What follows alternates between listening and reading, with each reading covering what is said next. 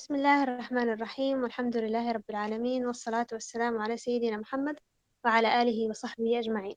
اللهم علمنا ما ينفعنا وانفعنا بما علمتنا وزدنا علما وعملا متقبلا يا أكرم الأكرمين.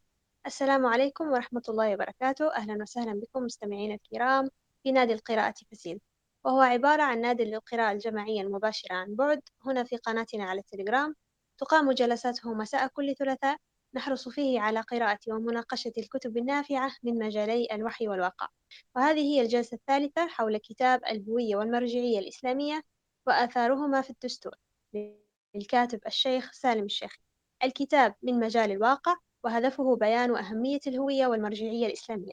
وردنا الليلة سيكون من الصفحة 46 إلى الصفحة 67 وسيكون في قراءته شهد إدريس عبد الرحمن الخنجاري زين العابدين وأنا هاجر الشكاوي الجلسة مقسمة بين قراءة ونقاش حيث يتم قراءة جزء من الورد يعقبه نقاش لمدة خمسة عشر دقيقة لما تمت قراءته. حتكون معي بإذن الله صفية في تسيير هذه الجلسة. نبدأ على بركة الله جلستنا. فتفضل يا شهد. المطلب الثاني حقيقة الهوية الإسلامية والبعد الديني والعقدي ذكرت في المطلب الأول أن الأساس الذي تبنى عليه الهوية الإسلامية هو المنح العقدي الديني لا غير. ويمكن تقريب هذا المعنى عبر هذا المطلب بالمفردات الآتية. أولا الدين بأركانه الثلاثة. الدين الذي أنزله الحق سبحانه على رسوله محمد الأمين صلى الله عليه وسلم وارتضاه للعالمين دينا أركانه ثلاثة إيمان وإسلام وإحسان. كما جاء ذلك عن أبي هريرة قال كان رسول الله صلى الله عليه وسلم يوما بارزا للناس. فأتاه رجل فقال يا رسول الله ما الإيمان؟ قال أن تؤمن بالله وملائكته وكتابه ولقائه ورسله وتؤمن بالبعث الآخر قال يا رسول الله ما الإسلام؟ قال الإسلام أن تعبد الله ولا تشرك به شيئا وتقيم الصلاة المكتوبة وتؤدي الزكاة المفروضة وتصوم رمضان قال يا رسول الله ما الإحسان؟ قال أن تعبد الله كأنك تراه فإنك إن لا تراه فإنه يراك قال يا رسول الله متى الساعة؟ قال ما المسؤول عنها بأعلم من السائل ولكن سأحدثك عن أشراطها. إذا ولدت الأمة ربها فذاك من أشراطها وإذا كانت العراة الحفاة رؤوس الناس فذاك من أشراطها. وإذا تطاول رعاء البهم في البنيان فذاك من أشراطها. في خمس لا يعلمهن إلا الله. ثم تلا صلى الله عليه وسلم إن الله عنده علم الساعة وينزل الغيث ويعلم ما في الأرحام. وما تدري نفس ماذا تكسب غدا وما تدري نفس بأي أرض تموت إن الله عليم خبير. الآية. قال ثم أدبر الرجل. فقال رسول الله صلى الله عليه وسلم ردوا علي الرجل. فأخذوه ليردوه فلم يروا شيئا. فقال رسول الله صلى الله عليه وسلم هذا جبريل جاء ليعلم الناس دينه. فأمر الدين مرتكز على هذه الأركان وهذه الأركان الثلاثة للدين هي القاعدة الصلبة للهوية الإسلامية بما فيها من الثوابت والقطعيات وكذلك سائر الأحكام الشرعية الصحيحة. فأركان الإيمان الستة المذكورة في حديث جبريل السابق ونحوها من قطعيات العقيدة وثوابتها وكذلك أركان الإسلام وثوابته سواء في باب العبادات كوجوب الصلاة والصيام أو في باب المعاملات كتحريم الربا والزنا ونحوها.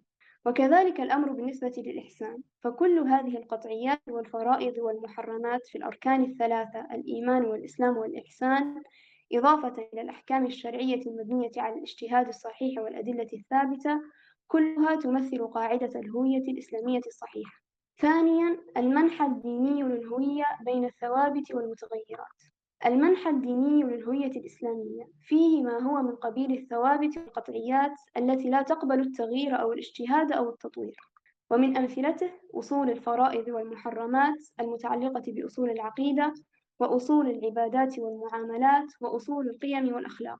وفيه ما هو من قبيل المتغيرات وهي من المسائل المتعلقة بموارد الاجتهاد وهي المسائل المتعلقة بموارد الاجتهاد في أركان الدين الثلاثة الإيمان والإسلام والإحسان. ولبيان تفريق العلماء بين الثوابت والمتغيرات والمقصود من ذلك أنقل ما كتبه الدكتور صالح الصاوي حفظه الله مختصرا في كتابه الموسوم بالثوابت والمتغيرات. قال الثوابت القطعيات ومواضع الإجماع التي أقام الله بها الحجة بينة في كتابه أو على لسان نبيه صلى الله عليه وسلم ولا مجال فيها لتطوير أو اجتهاد ولا يحل الخلاف فيها لمن علمها. بالإضافة إلى بعض الاختيارات العلمية الراجحة التي تمثل مخالفتها نوع من الشذوذ أو الزلل. قال الشافعي رحمه الله كل ما أقام الله به الحجة في كتابه أو على لسان نبيه منصوصا بينا لم يحل الاختلاف فيه لمن, علمه. انتهى قوله. وهي التي يسميها ابن تيمية رحمه الله الشرع المنزل وهو ما شرعه الله ورسوله من الأقوال والأعمال مما ليس للاجتهاد فيه مجال. وحقيقته اتباع الرسل والدخول تحت طاعتهم واتباع هذا الشرع واجب وخلاصته النص الصحيح الذي لا. الذي لا معارض له أو الإجماع الصريح الذي لا منازعة في ثبوته إلا منازعة تعد من قبيل الزلة أو الفلتة التي لا يحتج بها ولا يعول عليها ومجال هذه الثوابت إنما يكون في كليات الشريعة وأغلب مسائل الاعتقاد وأصول الفرائض وأصول المحرمات وأصول الفضائل والأخلاق. وأبرز ميادينها العقائد والعبادات والأخلاق وأصول المعاملات. أما المتغيرات فيقصد بها موارد الاجتهاد. وكل ما لم, يق... ما لم يقم عليه دليل قاطع من نص صحيح أو إجماع صريح.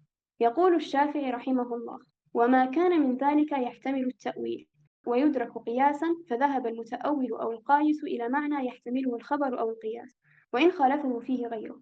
لم أقل إنه يضيق عليه ضيق الخلاف المنصوص. انتهى قوله. ويقول ابن تيمية رحمه الله والثاني الشرع المؤول وهو موارد النزاع والاجتهاد بين الأمة. فمن أخذ فيما يسوغ فيه الاجتهاد أقر عليه ولم يجب على جميع الخلق موافقته إلا بحجة لا مرد لها من الكتاب والسنة. انتهى قوله رحمه الله. ويقول ابن القيم رحمه الله وأما الحكم الأول فهو أقوال المجتهدين المختلفة التي لا يجب اتباعها ولا يكفر ولا يفسق من خالفها فإن أصحابها لم يقولوا هذا حكم الله ورسوله بل قالوا اجتهدنا برأينا فمن شاء قبله ومن شاء لم يقبله ولم يلزم به الأمة بل قال أبو حنيفة هذا رأيي فمن جاء بخير منه قبلناه. ولو كان هو عين حكم الله لما ساغ لأبي يوسف ومحمد وغيرهما مخالفته فيه. وكذلك مالك استشاره الرشيد أن يحمل الناس على ما في الموطأ فمنعه من ذلك وقال قد تفرق أصحاب رسول الله في البلاد وصار عند كل قوم علم غير ما عند الآخرين. وهذا الشافعي ينهى أصحابه عن تقليده ويوصيهم بترك قوله إذا جاء الحديث بخلافه وهذا الإمام أحمد ينكر على من كتب فتاواه ودونه ويقول لا تقلدوني ولا تقلد فلانا ولا فلانا وخذ من حيث أخذوا. ولو علموا رضي الله عنهم أن أقوالهم يجب اتباعها لحرموا على أصحابهم مخالفتهم ولما ساغ لأصحابهم أن يفتوا بخلافهم في شيء. ولما كان أحدهم يقول القول ثم يفتي بخلافه فيروى عنه في المسألة القولان والثلاثة وأكثر من ذلك. فالرأي والإجتهاد أحسن أحواله أن يسوغ اتباعه. والحكم منزل لا يحل لمسلم أن يخالفه ولا أن يخرج عنه. انتهى كلام الدكتور صالح حفظه الله. وأهمية هذا التقسيم أن كل ما يتعلق بالثوابت والقطعيات لا يمكن أن تحفظ الهوية الإسلامية إلا بالمحافظة عليه والتمسك به وحراسته من كل المحاولات التي تسعى لإذابته أو تغييره بحجة التطور والتقدم الحاصل في الحياة البشرية. فهذا القسم يمثل منطقة الصلبة في مكونات الهوية الإسلامية. أما القسم المتعلق بالمتغيرات فهو يمنح للهوية الإسلامية عنصر المرونة والتفاعل مع كل المتغيرات التي تطرأ على واقع الناس وحياتهم. ويشمل هذا القسم إضافة إلى المسائل الاجتهادية على وجه الخصوص ما يتعلق بالعادات والتقاليد والأزياء ونحوها وهو ما يمكن أن يمثل منطقة الرقوة في الهوية الإسلامية. وهذا التصور لمنطقة الصلبة الثابتة لمنطقة الرخوة المتغيرة في قاعدة الهوية الإسلامية هو الذي يحفظ الهوية من العبث العلماني الذي يريد للهوية أن تكون كلها رخوة متغيرة قابلة للتشكل حسب أهواء البشر عبر كل زمان ومكان. وهو البعد القاتل في كل هوية قامت على الأساس الديني في التاريخ البشري. وفي المقابل فإنه يحفظ, الهوي يحفظ الهوية من العبث المقابل للعلمانية. الذي يريد للهوية أن تكون كلها صلبة قابلة, قابلة للانكسار على أبواب الفطرة والمتطلبات البشرية. ثالثًا الإيمان، وهو أهم الثوابت والقطعيات. إن من أهم الثوابت والقطعيات تلك الثوابت المتصلة بعنصر الإيمان والعقيدة، فالعقيدة هي الركن الركين في هذا الدين، ولذا فهي صلب الهوية الإسلامية وأساسها العميق. يقول الأستاذ عبد الكريم بكار حفظه الله: إن فقد العقيدة بوصفها محورًا للانتماء سيؤدي إلى عواقب وخيمة جدًا تمس الوجود الإنساني، وإن العقيدة لا ترسم للإنسان المسلم الفضاء النظري الذي يحتاجه في علاقته مع ربه جل وعلا ومع الناس من حوله فحسب، وإنما تولد لديه القدرة على المخاطرة من أجل تحقيق هدف مجرد وخالص من الشوائب المصلحية المؤقتة، كما أنها توفر فرصة لتجدد طرح الأفكار الكبرى والقضايا العظمى، إنها تدفع باستمرار نحو التشبث بدرجة من المثالية والتعالي على المطالب الاستهلاكية للحياة اليومية. إن كثيرا من المثقفين لدينا يعتقدون أن المزيد من الرفاهية للناس والمزيد من الإصلاحات السياسية والاجتماعية سوف يوفر غطاء كافيا للإجابة على الأسئلة التي يطرحها الإنسان بشأن مصيره بعد الموت. وهذا ولا شك هم كبير. انتهى قوله. ولأهمية البعد العقدي في الهوية الإسلامية. اعتبرت الهوية الإسلامية هوية عقيدة أي يدخل تحت مظلتها كل من آمن بهذه العقيدة أيا كان جنسه أو لونه أو لغته أو مكانه الجغرافي. فكل من آمن بهذه العقيدة فهويته الإسلام وكل المسلمين أمة واحدة واسمهم المسلمون وجاهدوا في الله حق جهاده هو اجتباكم وما جعل عليكم في الدين من حرج. ملة أبيكم إبراهيم هو سماكم المسلمين. من قبل وفي هذا ليكون الرسول شهيدا عليكم وتكونوا شهداء على الناس. فأقيموا الصلاة وآتوا الزكاة واعتصموا بالله. هو مولاكم فنعم المولى ونعم النصير. الآية إن هذه أمتكم أمة واحدة وأنا ربكم فاتقون. الآية الله فيك يا شاهد جزيلي خيرا على هذه القراءة الطيبة والموفقة. آه الآن هذه الفقرة يعني باب النقاش مفتوح لل... للمشاركات. والتعليق حول هذه الورد. آه لو عندكم أي تعليق حابين تضيفوه فالمساحة هذه مفتوحة لكم. تقسيم ال... هنا الكاتب لل... للجزئية العقيدة والدين للثوابت والمتغيرات. سبحان الله آه، تبين كيف الإسلام فعلا دين وسطي. فيه أساسات يعني يقيم عليها الدين نفس الوقت فيه فسحة من من المرونة تخلي الإنسان يعني بحسب تغير الزمان يتغير هذا الشيء يعني تتغير معاه بعض الأمور اللي يعني ما تكونش لكن في نفس الوقت هي في صلب الدين. لأن لو كان كل شيء في صلب الدين يتغير فمفيش يكون الحق ما يكونش ديما ثابت يكون نسبي وهذا شيء ما هو صحيح. فهنا هذا الشيء اللي جذب انتباهي. تفضل عبد الرحمن. آه، السلام عليكم. بداية بارك الله فيك يا شاهد على القراءة الطيبة والموفقة. أنا بحاول نوعا ما ندير ملخص للي آه، سبق الورد اللي قرأته شاهد هو في البداية تكلم على موضوع أنه الهوية الإسلامية لازم تبنى على الركائز الأساسية للإسلام واللي هي مستقاة من حديث آه، سيدنا جبريل حديث يعني آه، لما جاء سيدنا جبريل للرسول صلى الله عليه وسلم الحديث المشهور اللي سأل على ثلاثة الركائز الأساسية اللي هم الإيمان والإسلام والإحسان. الإيمان معروف اللي هي الأركان الستة متاع الإيمان بالله وملائكته وكتبه إلى آخره.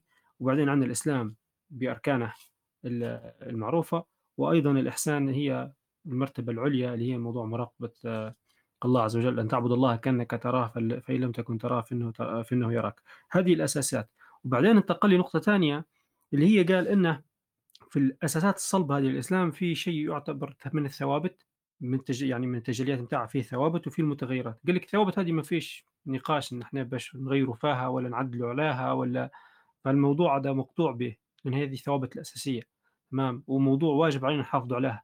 فالآن اللي يصير مثل موجات التشكيك والشبهات وغيرها اللي هي تظهر على أساس أنها والله يعني محاولات عقلانية ولا لأ هي محاولات لضرب الهوية عن طريق ضرب الأساسات هذه. فخلاص ما عادش عندك القاعدة الأساسية اللي تبني عليها أي شيء. بعدين نتكلم على الجانب الثاني وجانب المتغيرات اللي هي تقبل الاجتهاد والتأويل واللي فيها المساحة. وقال هي المنطقة وخاصة هو ذكر قال ما على سبيل المثال هذه اللي عجبتني. قال إنها المنطقة اللي فيها مثلا تتغير فيها عادات الناس وأزيائها وتقاليدها وكذا هذه قال لك المنطقة الرخوة اللي ما هياش ثابتة وصلبة.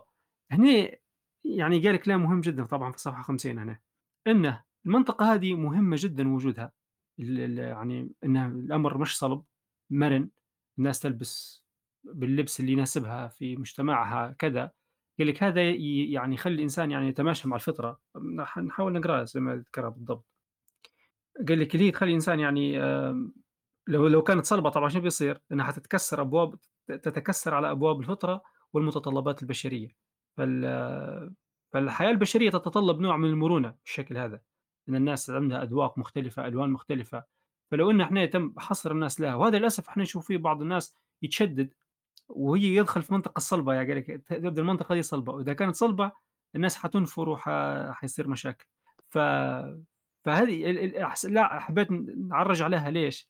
لأن في كثير لمّا ييجي يتكلم عن الهوية الإسلامية يبي يصبغها بصبغة معينة، مش عارف إذا كان ممكن الناس اللي مثلًا يسافروا في الغرب يلاحظوا إن بعض ال المسلمين من بعض الدول مثلًا الآسيوية يبوا مش عارف هي عن قصد والّا بدون قصد، لكن طريقة تعاطيهم في المجتمعات الغربية كأنه محاولة فرض هويتهم الثقافية في مجتمعات غربية أو أي مجتمعات تانية، ي إلى درجة أن يعطي انطباع للغربيين أو غير المسلمين وكذا أن هذا هو الإسلام، إن هو طريقة لبس معينة، آآ، طريقة نمط حياة معين، أكل معين، فيقول لك هذا الأكل خلاص يرتبط بالإسلام، ما نتكلمش على حلال وحرام، نتكلم على أصناف معينة من الأكل، تمام؟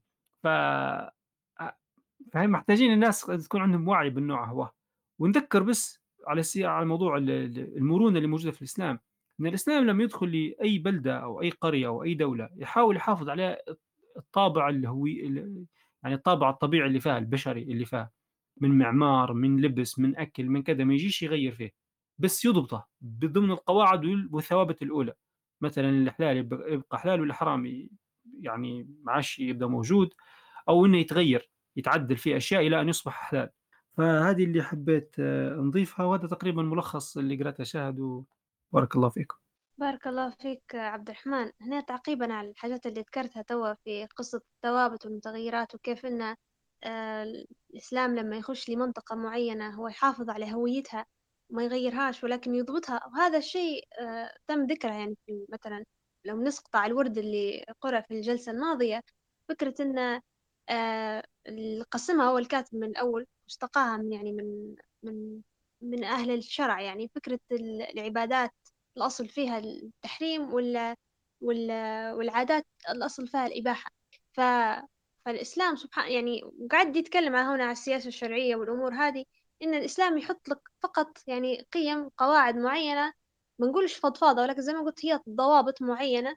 آه لما أنت بتجي بت بتصمم الحاجة أو بتجي يعني تشوف أمر مثلا مأكلك أو مشربك أو لبسك فقط أنت تسقط عليها هذه الضوابط والقوانين بما يناسبك بحيث إنك أنت قاعد يعني بهويتك أو خلينا نقول الهوية الذاتية متاعك وبما يتماشى مع أهل بلدك وعاداتهم لكن في نفس الوقت أنت آه، إنسان مسلم صاحب هوية إسلامية. ف... ففعلا الأمر فكرة الضوابط والثوابت والمتغيرات مهم جدا في عقيدتنا. صفية صفية قولي لنا شنو تعليقك على الورد؟ السلام عليكم ورحمة الله وبركاته. بارك الله في شهد على قراءتها وبارك الله فيكم عبد الرحمن وهاجر على تعليقاتكم. أنا لفت انتباهي جزء الأئمة كيف كلهم ذكروا فكرة أن لا تقلدوني.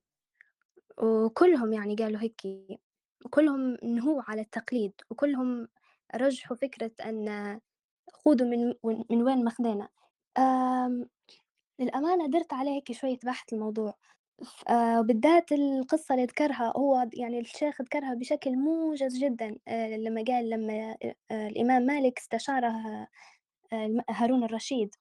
فالقصة هي أن هارون الرشيد يعني استشار الإمام مالك وقال له أن نعلقوا الموطأ على الكعبة ونخلوا الموطأ اللي هو أشهر كتاب للإمام مالك آه، أن يعني هو اللي يمشوا به كله في الأمصار كلهم أن نحكم بالموطأ أنه خلاص هو الثابت. فنهاه الإمام مالك وقال له لأ وهذه مهمة صراحة مهمة هلبة. علاش يرجع يبين لك أن عندك الشرع المنزل هذاك اللي خلاص ما تقدرش إنك تحكم فيه ولا تحكي فيه ولا هو الصح غير هيك فما فيش يعني من الخطأ إنك أن كل اجتهاد فما يصيرش إنك أنت تاخد شيء فيه اجتهاد وتحكمه. أم وفيما معناه آه، زي ما نتفكر أن الإمام مالك قال يعني أن الصحابة تفرقوا في الفروع واختلفوا فما يصيرش أنك أنت تفرض شيء هو يعني مجرد اجتهاد. حتى فكرة وقال شيء أيضًا بما معناه أن خلّي الناس خلّي الناس زي ما نقول لك بما تواتروا عليه، بما تعوّدوا عليه، بما يعني جاء جاء جاءوا به علمائهم أو فقهاءهم، فما يصيرش إن إحنا نفرضوا عليهم شيء معيّن. وهذه نقطة أيضًا مهمة، فكرة أن الفتوى ما يعني لا تخلى من الجانب الواقع، ما يصيرش إنه يعني تكون يعني مرات تكون فتوى مناسبة لأهل بلد ولكن غير مناسبة لأهل بلد ثاني، فصبر الواقع مهم في الدين. آمم، هذا بالنسبة لموضوع ال الجزئية هذه اللي لفتت انتباهي. بارك الله فيك صفية وفعلا سبحان الله يعني الموضوع اللي هو تشوفي يعني كيف إنه آه، تخيلي لو فعلا حقه صار إنه نوافق مثلا الإمام مالك على هذا الأمر وتم اتباع هذا الشيء وهي في مذاهب أخرى وما صارش ما صارش إنه في مذاهب أخرى. وهذا الاجتهاد هو اللي يحكم هو في الأخير هذا سبحان الله اجتهاد. كأن الأئمة لما كانوا يجتهدوا يعني يطلبوا من الناس إنهم ما يقدسوش هذه الاجتهادات. بالضبط. سبحان الله هنا المرونة آه، هنا المرونة تكون يعني في أمور الدين. سبحان الله وأنت حكيتي على فكرة الفتوى كيف تمشي مع دولة يعني منطقة ومنطقة. لا حتى مرات في, في نفس أهل البلد أحيانا يجوا زوز يستفتوا في نفس الأمر ولكن كل واحد عنده ظروف مختلفة فيفتى لهم كل واحد بأمر مختلف. سبحان الله. هنا زي ما قلتي يعني إسقاط الواقع ده لازم يكون فهم الواقع مهم جدا في الفتوى وإنه يكون يعني الفقيه أو الشيخ يكون عنده علم بهذا الشيء. وهذا الحمد لله من مرونة في الدين سبحان الله. وحتى الجزئية هذه مكتوب فيها ثونغرافا يقول القول ثم يفتي بخلافه فيروي عنه في المسألة القولان والثلاثة وأكثر. فيعني يعني النفس يفتي بالقول وقول غيره. يعني هذا درس لل... للناس اللي يتعصبوا للقول واحد أو للمذهب واحد. ف سبحان الله.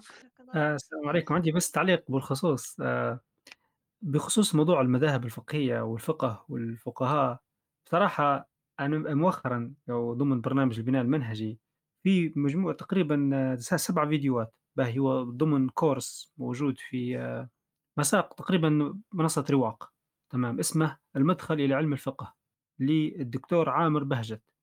أنا من زمان كان عندي تساؤلات بكيف وعلاش شنو المذاهب قصتهم؟ الإجابات كلها لقيتها في الفيديوهات هم السبعة اللي هي عبارة عن سلسلة.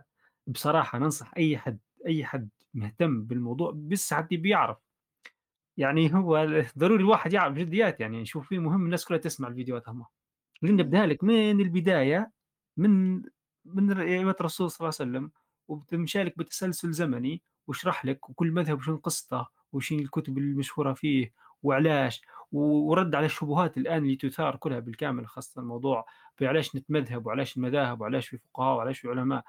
نصيحة نصيحة نصيحة تفرج عليهم. باهي. وحاجة بس يعني بنعلق بس على الورد اللي قرأتها شاهد النقطة اللي. اللي عجبتني واللي هي تعطي نوعا ما لو الناس أدركتها تعذر بعضها البعض. وما تخشش في أي جدال في على أمر في أمور فقهية. لما شين قال آه تقريبا رد الإمام مالك أنه بما معناه أن كل قوم لهم علم مش عند الثانيين. يعني كل قوم مثلا العراق عندهم علم مرات يختلف على علم أهل الشام ولا جماعة إحنا المغرب المغرب العربي أو شمال أفريقيا بصفة عامة عندهم خاصة المدرسة الشنقيطية وغيرها مرات عندهم عرف آه، يعني علم يختلف على المشرق. فالاختلافات هذه وسبحان الله تلقى الإسلام ما فيش واحد يحيط به كله بجميع العلوم كلها في مرة واحدة مع بعضها. فهذا يعطي نوع من الناس تتعاون تتكاتف بين بعضها. والله أعلم لكن نصيحة بس عامر بهجت تنسوش الاسم. وبارك الله فيكم. بارك الله فيك عبد الرحمن. حطوا لنا بعدين الكورس في التعليقات إن شاء الله. إن شاء الله. بإذن الله بارك الله فيك. مش عارفة لو أي حد عنده تعليق أو يحاب يشاركنا في النقاش فالمساحة هذه راهي مفتوحة لكم. تمام. بما أن ما فيش أي حد حاب يشارك فممكن نستكمل الآن الورد مع عبد الرحمن. تفضل عبد الرحمن. بسم الله. فائدة بناء الهوية الإسلامية على البعد العقدي. ذكر الدكتور محمد الجوليند في بناء الهوية الإسلامية على محور العقيدة فصلا هو غاية في الأهمية يبين فيه كيف أسس النبي صلى الله عليه وسلم الهوية الإسلامية في المرحلة المكية وبناها على البعد العقدي وهو استنباط مهم أذكره مع شيء من الاختصار لعظم فائدته قال حفظه الله تأسيس الهوية بمكة. ولقد ظل الرسول صلى الله عليه وسلم ثلاث عشر عاما في مكة يعمل على صياغة الإنسان على نحو جديد مختلف تماما عما كان عليه في الجاهلية. صياغة جديدة في العادات والتقاليد والأعراف. صياغة تستظل بنور العقيدة الإسلامية التي تدور رحاها حول قطب التوحيد الذي منه تبدأ حركتها وإليه تعود. وينزل القرآن الكريم لتصحيح عقائد الجاهلية لتحمل الأمة شعلة التوحيد إلى العالم كله. إنه صياغة جديدة لنظرة الإنسان إلى الوجود كله. بما تشتمل عليه هذه الرسالة؟ من أسئلة يضعها القرآن المكي حامل عبء الرسالة إلى إلى العالم كله أمام الإنسان لتأمله في هذا الكون. من نحن؟ ما وما وظيفتنا؟ ومن خلق؟ ولماذا خلق؟ ومن يمسك الحياة على المخلوق؟ من أحكم القوانين الحاكمة؟ من جعل الأسباب فاعلة في المسببات؟ ومن ربط المسببات بالأسباب من أتقن الصنعة وأحكمها من بيده أمر الوجود والعدم في البدء والنهاية. كل هذه الأسئلة يطرحها القرآن المكي على المسلم ليؤسس بها ويؤسس عليها البناء العقدي للمسلم. باعتبار هذا الاعتقاد أخص خصوصيات الهوية للمسلم على مستوى الفرد وعلى مستوى الجماعة. إنه أساس البناء وهو جذع الشجرة المباركة التي تتفرع منها أغصان الخصوصيات الذاتية في الأخلاق في البناء الحضاري في النظرة إلى الوجود بدءا ونهاية في العلاقات الاجتماعية في علاقة الحاكم بالرعية وكما أن الشجرة لا تكتمل فائدتها ولا تنضج ثمرتها إلا باكتمال فروعها وأغصانها بل وأوراقها. فكذلك الأمر بالنسبة للعقيدة الإسلامية وشجرتها المباركة لا يكتمل نضجها ولا يستوي عودها إلا باكتمال فروعها وأغصانها وظلال أوراقها من الفرائض والسنن والمندوبات واجتناب المحرمات والمكروهات وحسن التعامل معها والتعامل بها مع النفس ومع المجتمع ومع الكون كله لتكتمل بذلك أركان وظيفة الإنسان ومسؤوليته عن هذا الكون. ولذلك فإن أساس هوية المسلم أنه صاحب عقيدة والأمة التي ينتمي إليها الفرد المسلم هي أمة عقيدة يتفرع منها أركان هويته ومكوناتها التي تشكل شجرة هذه العقيدة وتحمل أركان هذه الهوية والمكونات الثقافية والعلاقات الاجتماعية والمكونات السياسية إنها كلها تتصل جذورها بالعقيدة أمرا ونهيا وتنظيما وسلوكا وتنتهي إلى العقيدة وفاء بها والتزاما بآدابها وتطبيقا لمفرداتها على مستوى العلاقات المتنوعة بين الإنسان ونفسه وبينه وبين الكون. إن أدبيات الفرد المسلم ترتبط بهذه الشجرة العقدية بداية ونهاية تجسيدا لخصوصيته وهويته التي ينفرد بها إيمانا واعتقادا والتزاما. وتلك خاصية الهوية والأساس لها التي إذا سئل عنها المسلم أجاب نعم هويتي أنني مسلم صاحب عقيدة ومن منطلق عقيدتي تتفرع وتتأسس المبادئ التي تشكل وتنظم علاقته بالآخرين. وإذا سئل عنها حاكم الدولة أجاب نعم أنا حاكم مسلم لأمة مسلمة. إن أساس الهوية للمسلم شجرة العقيدة. تمثل قاسما مشتركا أصيلا لكل مسلم في أي مكان في بلاد المسلمين أو في غيرها بصرف النظر عن لغته وجنسه وعرقه وموطنه الجغرافي. فالمسلم في باكستان والمسلم في دول شرق آسيا وفي أوروبا لا يفترق الواحد منهم عن الآخر في اعتزازه بالانتماء إلى هذا الأصل العقدي وما يتفرع عنه من أوامر ونواه والتزامات أخلاقية واجتماعية. فالكل ينتمي إلى هذه الشجرة ويستظل بمفرداتها اعتقادا وسلوكا. فإذا سألت المسلم في أي موقع على ظهر الأرض من أنت؟ كانت إجابته أنا مسلم.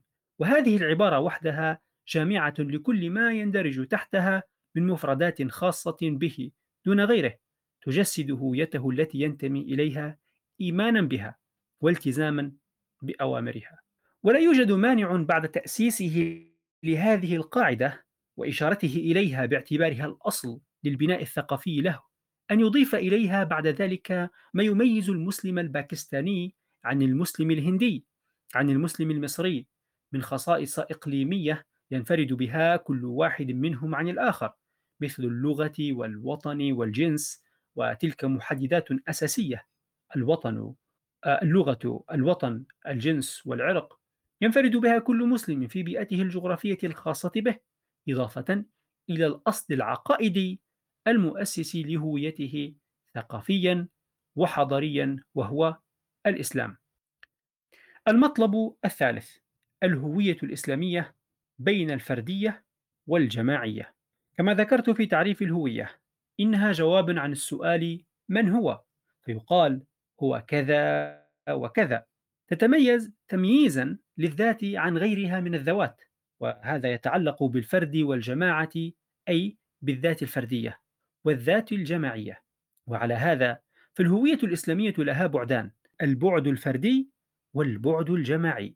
والبعد الفردي يتضمن تعريف الإنسان بذاته أي الأنا الاختيارية وبأهدافه في الحياة وبالمعايير التي تشكل المرجع لديه وتضبط دوافعه. والبعد الاجتماعي يعني الانتماء إلى جماعة وهو يتضمن تعريف الإنسان بذاته من حيث هو منتم إلى جماعة أي نحن اختيارية.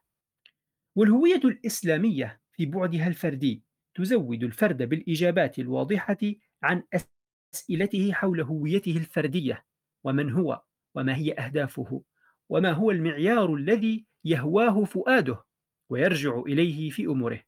فأما المعيار الذي يهواه فؤاده ويعرفه بذاته وأهدافه فهو الإسلام. وتبينه الآية الكريمة.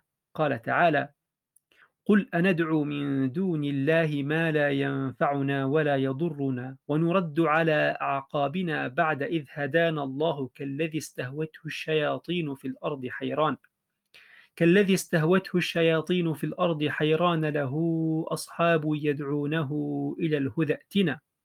قل إن هدى الله هو الهدى وأمرنا لنسلم لرب العالمين. الآية.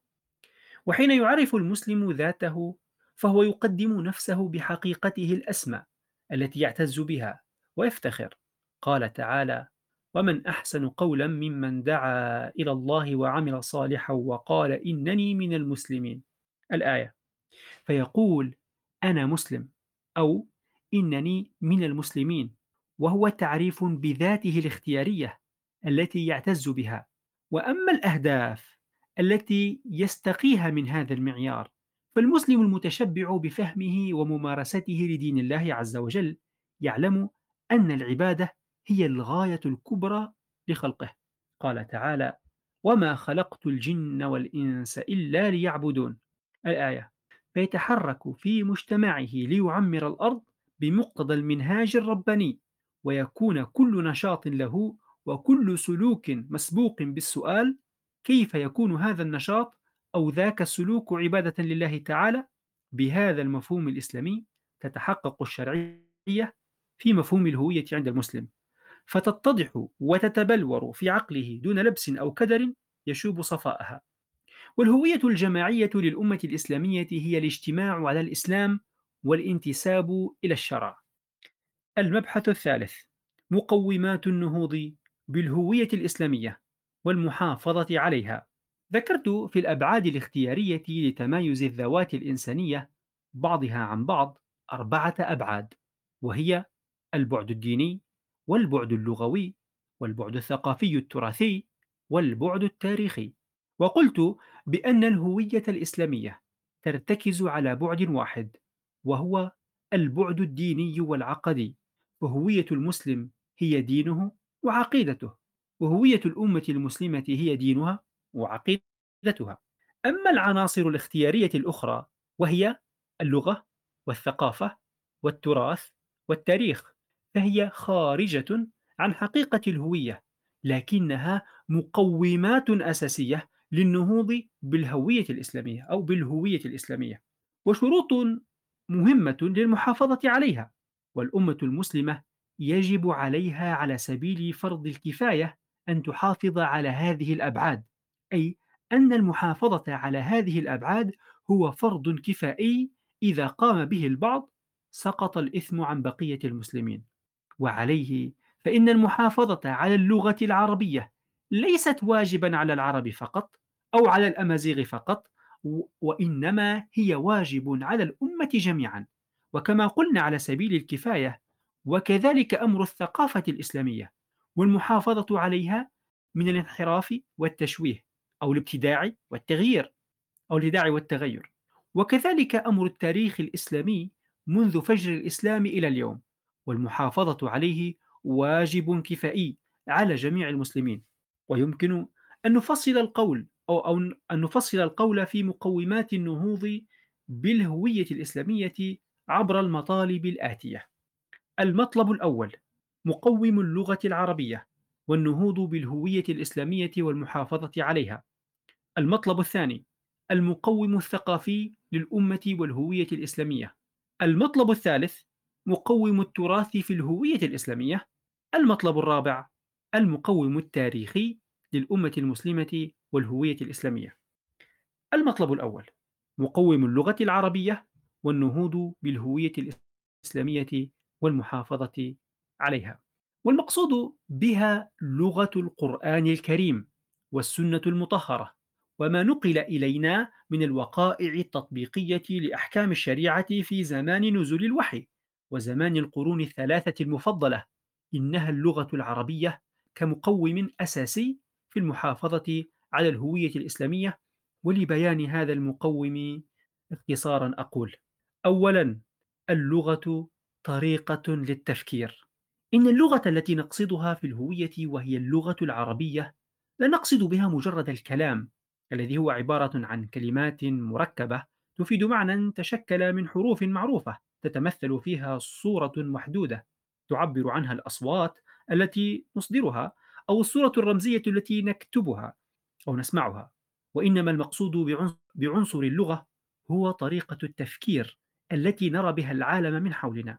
إنها ذلك التفاعل في داخل عقولنا مع مخزون المفردات والتراكيب التي تشكلت بما فيها من مفاهيم وتصورات عبر الأيام والليالي. ونتج في آخر المطاف طريقة معينة لتفكيرنا.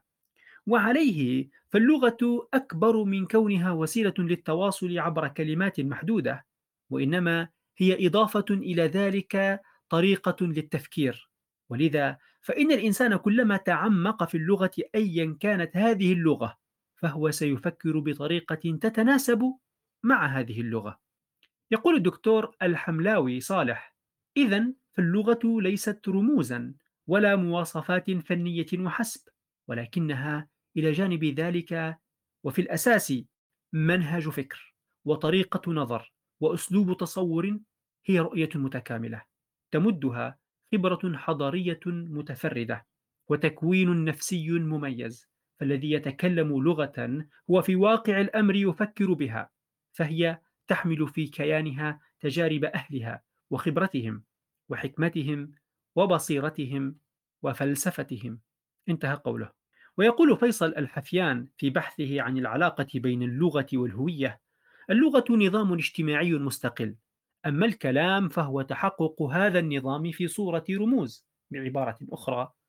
اللغة طرائق تفكير في عقل الإنسان أو عقل الجماعة البشرية أما اللسان والكلام فهو صورة الأصوات أو الرموز الكتابية التي نسمعها أو نراها لتحقق لنا التعبير والتواصل.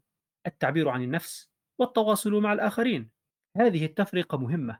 فاللغة مرتبطة بالهوية. هي هناك في العقل. عقل الإنسان لا على لسانه. انتهى قوله.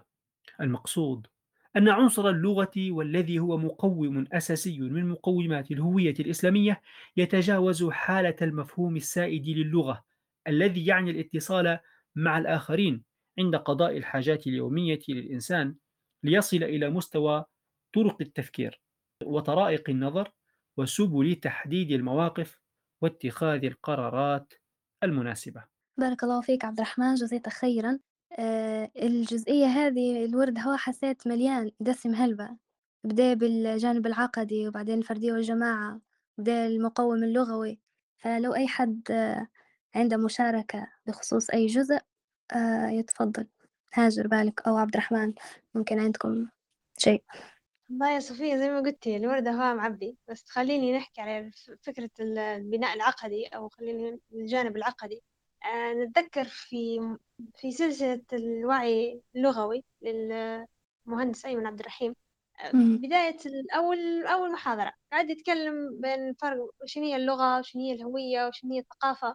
فقعد فكرة هي البناء العقدي قال في باحثة ذاتها أجنبية هي قعدت تتبع في شبكات المسلمين على شبكات التواصل الاجتماعي الجروبات وال... يعني المسلمين كلهم من جميع أنحاء العالم فقعدت هي تحكي مبهورة أن هم كيف قادرين يتواصلوا مع بعضهم وكأن هم في أرض الخلافة اللي. كانت قبل فرد عليها أحد الباحثين اللي قاعد يحلل زي ما نقول في كلام واحد قال لهم هم يستنوا في اللحظة هم الآن عايشين زي ما نقولوا في الواقع الافتراضي هم يتواصلوا مع بعضهم في رابطة الدين اللي تربطهم هي رابطة العقيدة القوية اللي رغم اختلافات اللغة إلا أن هم قادرين يتواصلوا مع بعضهم لأن هويتهم الدينية والعقدية أقوى من أي شيء. فقال لها أمتى ما تكتمل الصورة عندهم لصورة كيف حتكون الأمة المسلمة حينزلوها على أرض الواقع. كان تعبير قوي. فهذه هنا تكمن قوة آه، الهوية العقدية وال... والهوية الدينية لما تكون يعني شيء أساسي زي ما زي ما ذكر الكاتب وركيزة. هذه الحاجة الأولى. الحاجة الثانية آه، فكرة ال- اللغة وإن هي طريقة تفكير. يعني سبحان الله آه، كيف إن زمان كانوا مثلا لما يجوا يعلموا الأطفال ولا حاجة كانوا الصحابة يعلموا في أطفالهم المغازي والسير آه، زي الصورة من القرآن بحيث إن لما هم يسمعوا آه، على القتال كيف كان يدور واحد طريقة تفكيرهم تتغير شجاعتهم تزيد آه، نفسيتهم وشموخهم يتغير. طبعا وهذا مرتبط بال يعني بدين مش إن هم بس هيك وخلاص. ف... فاللغة فعلا تغير طريقة تفكيرك وهذا الشيء ينعكس على شخصيتك. فهذا بس اللي حبيت نضيفه. مش عارفة لو عندك أنت حاجة حابة تضيفها صفية؟ أو أي حد من المستمعين. آه،. طبعا بارك الله فيك هاجر وصفية على الإضافات. بنعلق أنا نحاول على الورد اللي قريته توا بنبدأ من البداية لما نتكلم على موضوع العقيدة وتشبيهها بالشجرة. يعني عبارة عن شجرة فيها جذع وبعدين فروع وأغصان وأوراق. التصور هذا الشامل للهوية. بعدين دار إسقاط لها قال؟ قال لك هي العقيدة الكاملة بكل ما فيها من حلال وحرام ويعني المباحات مكروهات المندوبات السنن كل شيء هي التفاصيل الكاملة. لما قعدت نتأمل في الكلام هذا فعلا هي التفاصيل دي مثلا آه، الأحكام الشرعية لبعض الأشياء مثلا هذه سنة هذه هذه هذه مثلا هذا أمر محرم ولا هذا أمر مكروه ولا كذا حتلاحظوه منعكس في سلوكيات الناس منعكس في تعاملاتهم منعكس في أشياء العامة مثلا على سبيل المثال. ناخذ مثال مثلا المسجد لما الواحد بيخش يصلي مثلا في المسجد وخاصة مثلا يكونوا في مسلمين من عدة جنسيات ومن عدة كذا حتفرق حتفرق مثلا كيف التزامهم بالسنن التزامهم بالأشياء دي تعطيه طابع ان هذا هو يعني نعطيكم مثال ثاني شوي تخيلي بهي.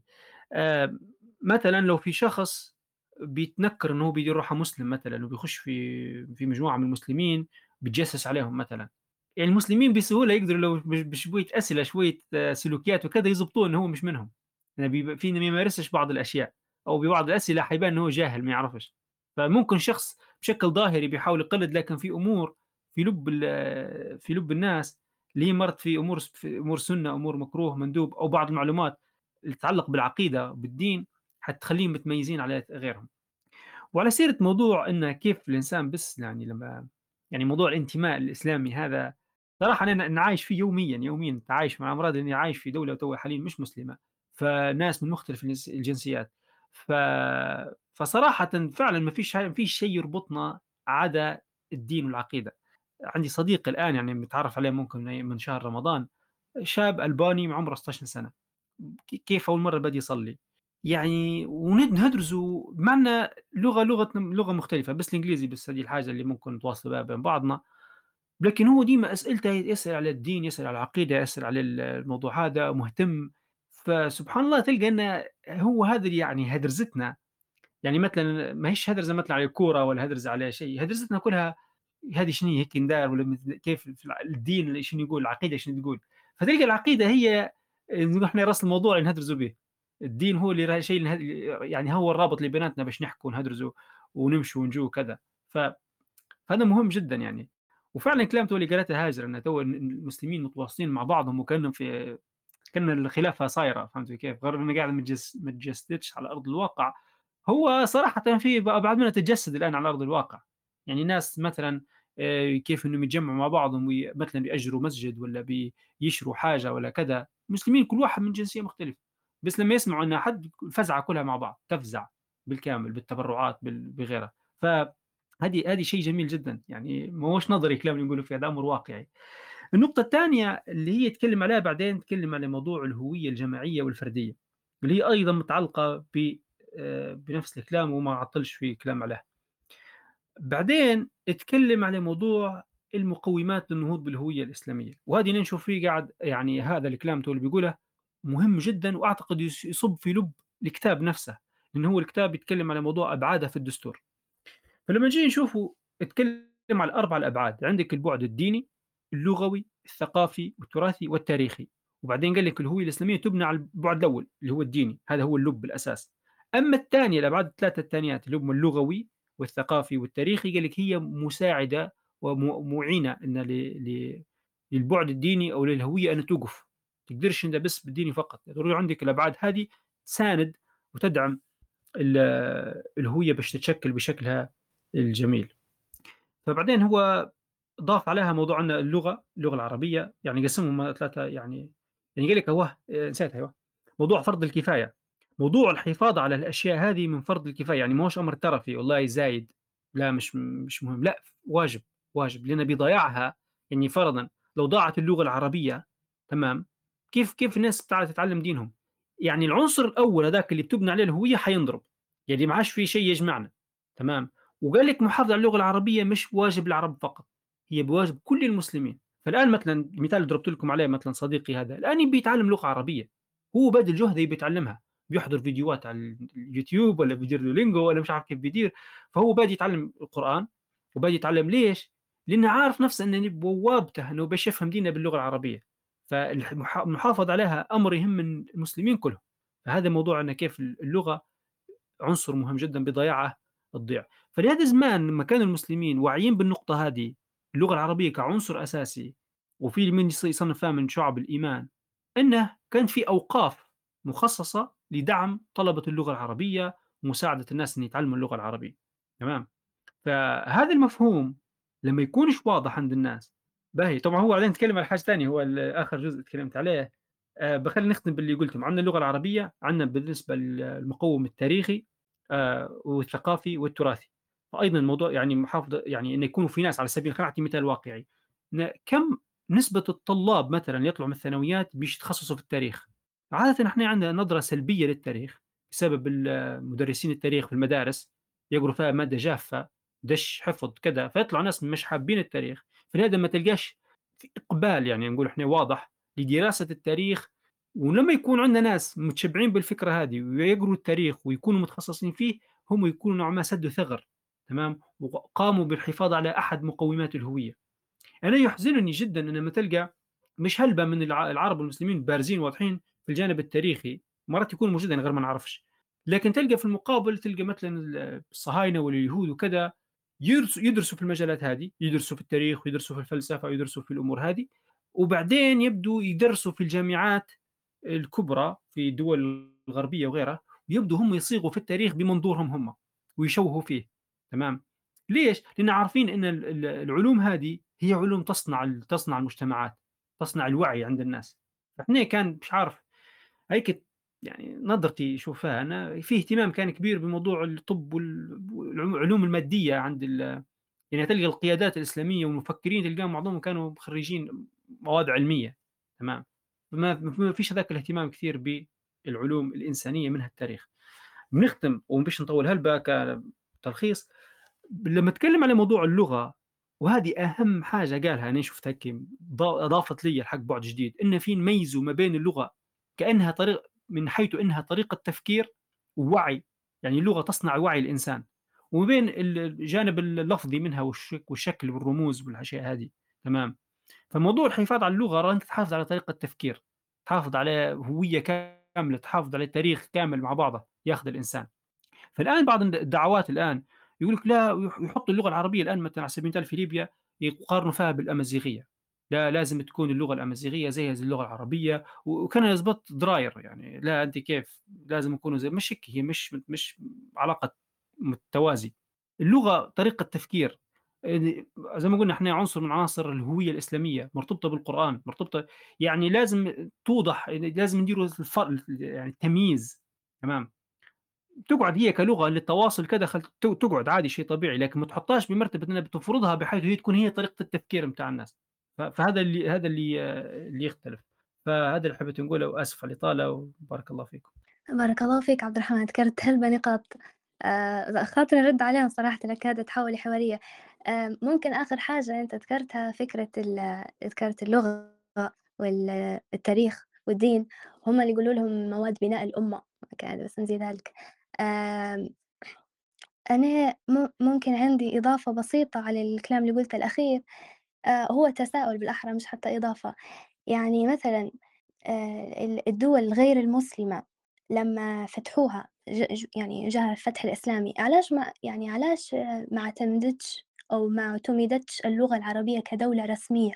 مثلا ماليزيا ولا فكم يعني هل في دول غير عربية عند يستخدموا في اللغة العربية كدولة رسمية؟ تقريبا في جنوب أفريقيا في تقريبا إريتريا ممكن هم بس آه، يخليك حتى تفكر مثلا تشوف لي اللغات الأخرى زي مثلا التركية متصبغة هلبة بكلمات عربية؟ في هلبة كلمات شبيهة باللغة العربية؟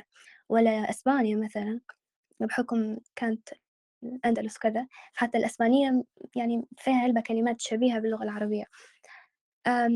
بالنسبة لموضوع العقيدة يعني إضافتي للحاجة هذه آه، وأن الكتاب يحكي يعني على الدستور وكذا هو كل هذا تمهيد. آه، قبل لحتى إحنا نحكوا على العقيدة وإن إحنا خلاص مسلمين ومؤمنين بها آه، فكرة أن حاجتنا إحنا للعقيدة آه، وأنت تقرأ في الورد يعني نفكر في مقطع أو هم دايما يعني أتفرج عليهم مقاطع الدعوة هادو. اللي هم قناتين على اليوتيوب ممكن بعتالي حتى نرفقهم يعني في الجروب.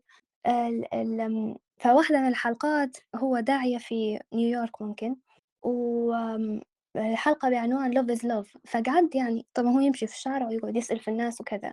فيسأل فيهم آه، آه، يعني مثلا في خصوص موضوع الشذوذ وكذا كيف هم منفتحين على الموضوع وعندهم أي عادي و...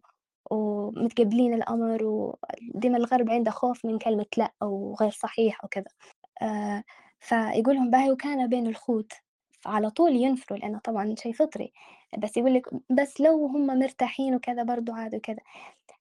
المهم يعني شنو يوصلهم لفكرة أن باهي أنت في رأيك أنه مش عادي؟ فرضا جت فئة من هذو من الناس اللي اللي عندهم أن بين الخوت يصير عادي وطبيعي وجو طالبوا بحقوقهم من ال... من هنا من المشرع هنا في الحالة هذه فكلهم يقولوا الحكومة الحكومة الحكومة.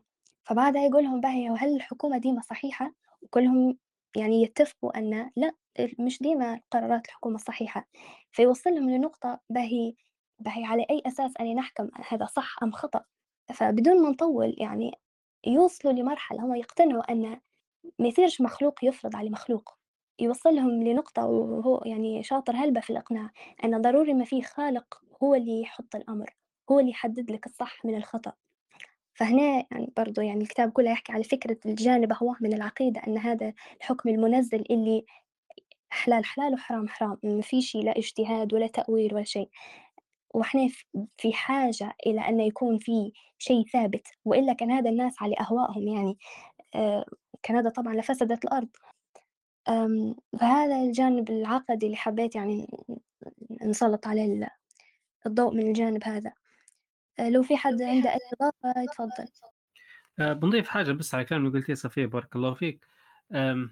ناخذ من آخر كلام اللي حكيتيه موضوع أهمية المرجعية وجودها في الدولة أو عند الناس. يعني المثال بسيط جدا وممكن أي إنسان يستخدمه حتى في في توصيل الفكرة لطفل صغير. اللي هي موضوع تقول أنت مثلا ريت مثلا تلفزيون ولا بلاي ستيشن ولا تليفون لما تشتريه يكون معاه الكتالوج يكون معاه الدليل الدليل المستخدم. لو شخص بيستخدم الجهاز هذا اللي شراه من غير ما يتبع التعليمات اللي موجودة في الكتيب طبيعي حيخرب حيفسد. ب... نتيجة بديهية جدا. بس السؤال يطرح نفسه مين اللي دار الكتالوج هو؟ بيقول لك اللي صنع الجهاز. علاش دار الكتالوج؟ دار الكتالوج باش يعطيك التوجيه يهديك كيف تتصرف معاه بطريقة صح بحيث ما يفسدش بحيث انك تستفيد منه أقصى استفادة بحيث تنجح في في في استخدامك لهذا الجهاز. ولله المثل الأعلى إحنا إحنا في ذاتنا أصلا نعتبره كان إحنا جهاز مثلا يعني كتشبيه باهي ولا مش في الامثال طبعا. وإحنا عندنا وظيفة. وإحنا ربي خلقنا على الأرض هذه لغايه ما. الغاية؟ والسبب؟ والوظيفة؟ وش ندير وش ما ندير وش وعلاش وكله كله موجود في القرآن. فهو هذا التوجيه الرباني للإنسان. مش للإنسان كفرت بل للبشرية كلها. بل حتى للجن والإنس والجن. تمام؟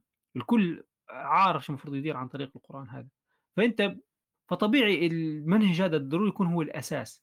اللي يرتكز عليه. مش المسلمين بس المفروض المسلمين وعلى غير المسلمين لأنهم فعلا لكن هو كان النبي بيقول المسلمين طبعا لكن هو هذا الأساس فهذه بالنسبة في الفلسفة الغربية في المنظور الغربي هو هذه مش قادر يستوعبها ليش؟ تراكمات تراكمات في التاريخ في السابق صارت أشياء وصارت كذا آه، صاير يعني في حائل ما بينهم وبين وصول الحقيقة الآن في بين يعني حاجز حجاب مسكر عليهم مش قادرين يشوفوا ويتبصروا الأمر هذا بسبب المجتمع اللي هم فيه وأسف على الإطالة. بارك الله فيك عبد الرحمن.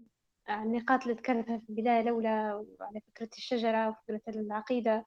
سبحان الله ولما شبهها بالشجرة وبالفروع لما تجي تسقطها على الإنسان آه، حتكتشف إنه لما هو فعلا يعني يتشبع بالعقيدة ويتشبع بكل شيء في يعني الدين هتلقاه يعني يتماشى و...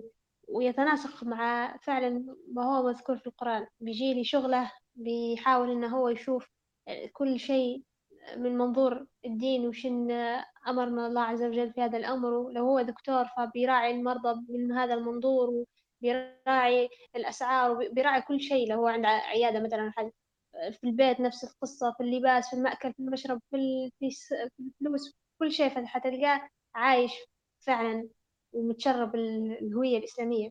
فكرة لما ذكرت صفية موضوع اللغة وهل هي متقررة في إحدى الدول؟ أنا ذكرت كلمة سمعتها إن سبحان الله الأمة الإسلامية أو خلينا نقول لما صارت الفتوحات الإسلامية الحاجة الوحيدة اللي أو خلينا نقول التراث اللي انتشر في الدول اللي تم فتحها هي هي لغة الدين هو هي اللغة يعني يعني كل أمة تنشر ثقافة ثقافتها في شيء معين. فكانت اللغة هي الشيء اللي صدرته الأمة الإسلامية أو الخلافة الإسلامية في ذلك الوقت. وسبحان الله فكرة إن في مقارنات تصير بين اللغة العربية ولغات أخرى لأن إحنا قاعدين مش فاهمين إن هذه اللغة هي ما يتمش إحنا ما نقدسوش فيها إلا بسبب شيء معين هي إن هي لغة الوحي فقط. لو كانت أي لغة ثانية هي لغة الوحي فحيتم تقديسها بنفس الكيفية. ولكن لو اللغة العربية هي قدسيتها في إن هي لغة القرآن فقط لا غير يعني مش إن هي لغة عرق أو جنس مميز. فلو إحنا قدرنا نفهم ونستوعب هذا الأمر فما عادش حتصير فيه مقارنات بين اللغة العربية واللغات الأخرى. وحنفهم أن اللغة العربية هذه آه، مهمة بسبب أهمية القرآن لا غير. آه هذه بس الحاجات اللي حبيت نضيفها. بارك الله فيكم مرة ثانية. ممكن الآن ننتقل لاستكمال الورد مع زين. تفضل زين. نبدأ الورد. بسم الله الرحمن الرحيم. ثانيا اللغة قوالب لغوية لفهم النص الشرعي. إن الدعوة إلى المحافظة على اللغة العربية باعتبارها مقومًا أساسيًا للهوية الإسلامية إنما هي دعوة للحفاظ على القوالب اللغوية التي يفهم بها النص الشرعي المتمثل في كتاب الله تعالى وسنة نبيه صلى الله عليه وسلم وما بني عليهما من أحكام. ولذا فإن أهمية اللغة العربية بالنسبة للهوية الإسلامية تتمثل في كونها قوالب أساسية لفهم مصادر الهداية والرشاد لهذه الأمة. فقيمة اللغة العربية تتحدد من هذا الوجه الذي يربطها بشكل مباشر بالوحي المنزل من رب العالمين على قلب رسوله الأمين صلى الله عليه وسلم. فهي لغته وبها نزل وبها يفهم ويفسر. وليس غير ذلك. قال تعالى أعوذ بالله من الشيطان الرجيم. ألف لام راء. تلك آيات الكتاب المبين. إنا أنزلناه قرآنا عربيا لعلكم تعقلون. الآيات. وقال تعالى وكذلك أنزلناه قرآنا عربيا وصرفنا فيه من الوعيد لعلهم يتقون لعلهم يتقون أو يحدث لهم ذكرا. الآية وقال تعالى وكذلك أوحينا إليك قرآنا عربيا لتنذر أم القرى ومن حولها وتنذر يوم الجمع لا ريب فيه. فريق في الجنة وفريق في السعير الآية. وقال تعالى إنا جعلناه قرآنا عربيا لعلكم تعقلون. الآية. وقال تعالى ولقد نعلم أنهم يقولون إنما يعلمه بشر. لسان الذي يلحدون إليه أعجمي وهذا لسان عربي مبين. الآية وعليه فإن على أصحاب اللغات الأخرى من المسلمين ألا يجدوا أي ضير ولا حرج في نفوسهم من كون اللغة العربية مكونا أساسيا لهويتهم الإسلامية. فاللغة العربية ليست لغة محصورة في أصحاب عرق أو جنس محدد وهم العرب بل لغة جميع المسلمين بكل أجناسهم وأعراقهم ولغاتهم إنها لغة دين وليست لغة قوم. فالإسلام بجعله لها لغة فهم لنصوصه وأحكامه نقلها بشكل صريح وواضح من حيز الانتماء والانتساب إلى جنس بشري وهم العرب إلى حيز الانتماء إلى دين رب العالمين الذي أنزله على خاتم الأنبياء والمرسلين صلى الله عليه وسلم. إنه نقلها من ضيق الانتماء البشري إلى رحابة الانتساب العقدي الديني. وعلى هذا الفهم عاشت الأمة الإسلامية قرونا قبل أن تفشو فيهم العصبيات ودعوى الجاهلية. فجميع المسلمين بجميع أجناسهم وأعراقهم لم يكونوا يجدوا أي حرج أو تأسف أو شعور بالنقص أو المذلة عندما كانوا يتفاعلون مع اللغة العربية تعلما وفهما بل وحتى إتقانا وتفسيرا فهي لغة دينهم ولا فخر. ومن هذا المعنى حصلت تلك الظاهرة التاريخية النادرة وهي تحول شعوب بأكملها بعد إسلامهم إلى اللغة العربية ولم تمض عقود حتى أصبح أبرز علماء اللغة العربية في العالم الإسلامي منهم ولم يحدث هذا الانقلاب اللغوي لا بلغة القهر ولا بأدوات الاضطهاد كما حاولت فرنسا وغيرها عند احتلالهم لديار الإسلام في الجزائر ونحوها. وإنما حصل بعمق الانتماء لهذا الدين والاعتزاز بلغته ولسانه. إننا نؤكد وبشكل قاطع أن دعوتنا للتمسك باللغة العربية كمقوم للهوية الإسلامية إنما جاءت بناء على البعد الاختياري للإنسان المسلم لكونها لغة فهم دينه وليست على البعد العرقي لكونها لغة العرب. إنها دعوة قائمة وبكل وضوح وجلاء على البعد الديني وليس على البعد العصبي العرقي. ثالثا حفظ اللغة العربية. إن من أهم خصائص اللغة العربية المتعلقة بمسائل الهوية الإسلامية كونها لغة محفوظة بحفظ الله لمصادر التشريع في الإسلام وهذا مما يعطيها سمة خاصة من بين كل اللغات. يقول الدكتور فيصل الحفيان واللغة العربية أيضا محفوظة. تعهد الله بأن تبقى ما بقيت الحياة لأنها أيضا لغة القرآن الكريم. أعوذ بالله من الشيطان الرجيم. إنا نحن نزلنا الذكر وإنا له لحافظون. الآية ولذلك فإنه لا يخشى عليها من الزوال ولا تعصف بها رياح الزمن والبلاء وهذا ما يفسر لنا بقاءها واستمرارها حتى اليوم دون أن تتحول إلى لغات كما حدث مع اللاتينية مثلا. فلا يزال العرب اليوم يقرؤون القرآن وتلك اللغة التي دونت بها الكتب قبل خمسة عشرة قرنا ويفهمون ما يقرؤون ولا يمكن أن يدخل على ذلك بأن ثمة ألفاظا وتراكيبا لم تعد مفهومة للعامة. فتلك ألفاظ وتراكيب محدودة تسكن حركتها داخل جسد اللغة. تتخلف خطوات عن الحياة على الألسنة لكن الجسد لم يتغير وجهه وملامحه هي هي. إن حفظ اللغة من حفظ القرآن الكريم وحفظ القرآن من عقيدة المسلم. انتهى كلامه. رابعا اللغة والبناء على الأصل الديني. إن اللغة العربية لا تكون مقوما أساسيا للهوية الإسلامية ما لم تكن مؤسسة ومبنية على البعد الديني. بمعنى أن اللغة العربية مستقلة لا يمكن أن تكون مقوما لأي هوية. وذلك لأننا بينا أن القيمة الحقيقية للغة العربية تأتي من كونها وعاء للتصورات والمفاهيم التي نزل بها الوحي من عند الله تعالى ونطق بها نبينا صلى الله عليه وسلم. وما دامت هي وعاء للفكر فلا يمكن أن تكون هي مصدرا مستقلا لصناعة التصورات والقيم وإنما هي فقط معبرة عن ذلك.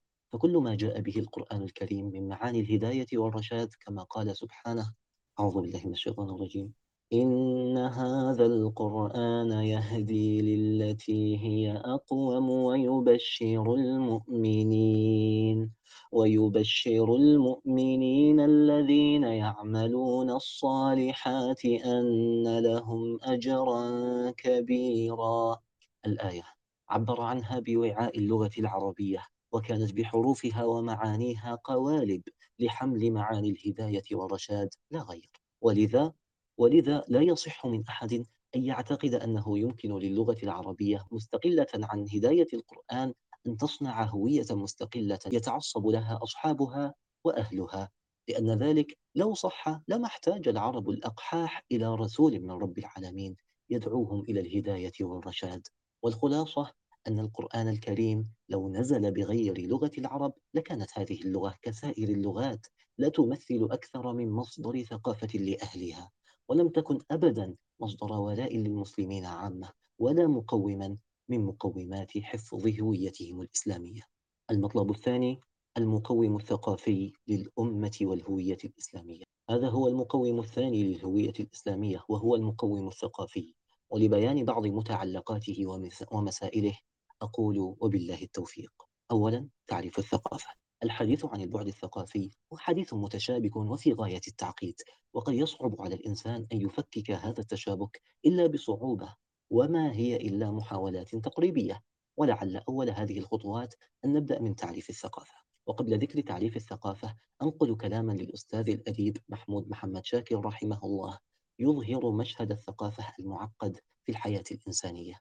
يقول فإن الثقافة تكاد تكون سرا من الأسرار الملثمة في كل أمة من الأمم في كل جيل من البشر وهي في أصلها الراسخ البعيد الغور معارف كثيرة لا تحصى متنوعة أبلغ التنوع لا يكاد يحاط بها مطلوبة في كل مجتمع إنساني للإيمان بها أولا عن طريق العقل والقلب ثم للعمل بها حتى تذوب في بنيان الإنسان وتجري منه مجرى الدم لا يكاد يحس به. ثم الانتماء إليه بعقله وقلبه وخياله. انتماء يحفظه ويحفظها من التفكك والانهيار وتحوطه ويحوطها حتى لا يفضي إلى مفاوز الضياع والهلاك. وبين تمام الإدراك الواضح لأسرار الثقافة وقصور هذا الإدراك منازل تلتبس ومسالك تظل فيها العقول والأوهام حتى ترتكس في حماءة الحيرة بقدر بعدها عن لباب هذه الثقافة وحقائقها العميقة البعيدة المتشعبة. انتهى كلامه رحمه الله. هذه هي صورة الثقافة بتعقيداتها. وعلى ضوء هذا التداخل فإن الحصول على تعريف محدد للثقافة من الأمور الصعبة نظرا لصعوبة وضع حدود معينة تنتهي عندها الثقافة. حتى لا يكاد الناظر في كثير من التعريفات المذكورة للثقافة يظن أنها تعريفات للهوية ذاتها. وعموما فإن أصل الكلمة في اللغة من ثقف يثقف وثقفا وثقافة. صار حاذقا خفيفا فطنا وأصل الثقف الحذق في إدراك الشيء علما أو عملا. يقال ثقف الرجل الشيء أي علمه وهذبه ولطفه أما أهم المرتكزات التي تثقل للثقافة عند تعريفها فهي تدور حول مجموعة من الجوانب المعنوية في حياة الإنسان كالعقائد والمبادئ والقيم ومجموعة من الجوانب المادية في حياة الإنسان كالفنون ونظم الحياة والتقاليد اليومية. ولم أجد فيما وقفت عليه فارقا كبيرا بين تعريفات كثير من الغربيين وتعريفات الكتاب من العرب والمسلمين. ومن أمثلة ذلك تعريف المجمع اللغوي حيث قال في تعريفها جملة العلوم والمعارف والفنون التي يطلب الحذق بها. انتهى. وفي, المج... وفي المعجم الفلسفي للمجمع اللغوي كذلك كل ما فيه استثارة للذهن وتهذيب للذوق وتنمية لملكة النقد والحكم لدى الفرد أو في المجتمع وتشتمل على المعارف والمعتقدات والفن والأخلاق وجميع القدرات التي يسهم بها الفرد في مجتمعه. ولها طرق ونماذج عملية وفكرية وروحية ولكل جيل ثقافته التي استمدها من الماضي وأضاف إليها ما أضاف في الحاضر وهي عنوان المجتمعات البشرية. انتهى وعرفها الدكتور أحمد شلبي رحمه الله بأنها الرقي في الأفكار النظرية وذلك يشمل الرقي في القانون والسياسة والإحاطة بقضايا التاريخ المهمة والرقي كذلك في الأخلاق أو السلوك. انتهى كلامه رحمه الله وانتهى الورد. بارك الله فيك يا زين. جزاك الله خير على هذه القراءة الطيبة الموفقة. الآن نفتح باب النقاش. صراحة ممكن نضيف أنا حاجتين في البداية. فكرة اللغة. أه لما أتكلم الكاتب أنا سبقت بكري لما حكيت على إن اللغة العربية يعني إن هي لو إحنا قدرنا نستوعب إن هي قدسيتها تاخذها من ال من إن هي لغة القرآن ولغة الوحي ف يعني ننتهي من هذا اللبس. ولكن باي أنا جاني يعني خطر في بالي سؤال أمتى إحنا صار لنا هذا اللبس؟ وأمتى إحنا بدينا نشفه للغة العربية ونقارنوا فيها باللغات الأخرى ونتعصبوا للغاتنا؟ آه يعني قبل ما كانش في هذا الأمر. يعني علماء اللغة سواء علماء اللغة ولا حتى علماء علماء الإسلام كانوا أسماء لامعة وكبيرة وما كانوش مثل المسلمين زي ما كانوش عرب زي البخاري مثلا زي سيبويه آه يعني معروف سيبويه في اللغة العربية ما هوش عربي. فما كانش في هذه الإشكالية قبل لأن كان في فهم لبعد أن اللغة العربية تستمد آه، قدسيتها وأهميتها من القرآن ومن الوحي ومن هذه الأمور. فأنت إحنا صار لنا اللبس هدايا المفاهيم هذه. فنجي نشوفوا إنه ممكن لعل وعسى يكون من وقت إنه يصير استعمار في الدول العربية وبدأ المستعمر يعني يقلل من شأن اللغة العربية ويعظم أحيانا في اللغة العامية الموجودة في أهل البلد وأحيانا مثلا آه، يعظم في اللغات الموجودة اللغات الأخرى الموجودة في نفس المنطقة ويصير هذا يعني يأجج في العنصرية بين بين أهل البلد الواحد اللي يتكلموا بلغات مختلفة. ف... فمعروف الأمر هو هلبة في دول يعني اللي تم استعمارها طبعا بارك الله فيك أخونا زين على القراءة الطيبة والموفقة. آه عندي تعليق بس بخصوص آه اللغة العربية وأنا قلت لكم على موضوع علم الفقه. أعطيكم حاجة ثانية جميلة جدا هي في حتى مجموعة فيديوهات يعني ضمن مجموعة محاضرات. ضمن كورس تقريبا هو مدخل إلى اللغة العربية أو مدخل إلى اللغة يقدمها الدكتور الأستاذ الدكتور محمد العمري. من أمتع ما راح تسمعه فيما يتخص فيما يتعلق باللغة العربية وعلى العلوم بتاع اللغة العربية وكيف يعني تكلم عن أشياء أشياء ما كانتش خاطر على بالي بكل أبدا يعني نهائيا. فنصيحة نصيحة تسمعوا لمجموعة المحاضرات هذه. أيضا في سلسلة حتى هي تقريبا حتى هي سبعة إلى ست فيديوهات اسمها الحرب الباردة على الكينونة العربية. أيضا للدكتور الأستاذ الدكتور مختار الغوث الشنقيطي. ولو تبحثوا على الدكتور مختار الغوث الشنقيطي أيضا يعني يعني يتكلم على أشياء عظيمة جدا. كلها تد تعضد وتدعم الكلام اللي قريناه في الورد اللي سبق واستمعنا له. فيما يتعلق بأهمية اللغة العربية. ليش؟ وتكلم حتى من باب الأبحاث العلمية كيف تكلمت عن الجانب هذا. أيضا أثرها في في حفظ يعني زي ما إحنا جانب هوية الأمة فكرها وما إلى ذلك من هذه الأمور. محاولة لإجابة هاجر ليش لماذا يعني صار عملية التشويه للغة العربية ومحاولة يعني الحرب حرب قائم عليها زي ما قال هو حرب باردة.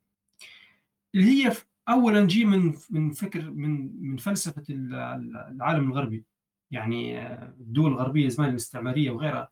الفكر الاستعماري اللي عندهم اللي هو نابع من فكر مادي عملية السيطرة على الموارد تجد أن باش هم يقدروا يسيطروا على الشعب باهي وياخذوا موارده ويستغلوها في عائق واقف واقف أمامهم اللي هو عائق الدين. وعائق الدين اللي مخليه واقف اللي هو اللغة.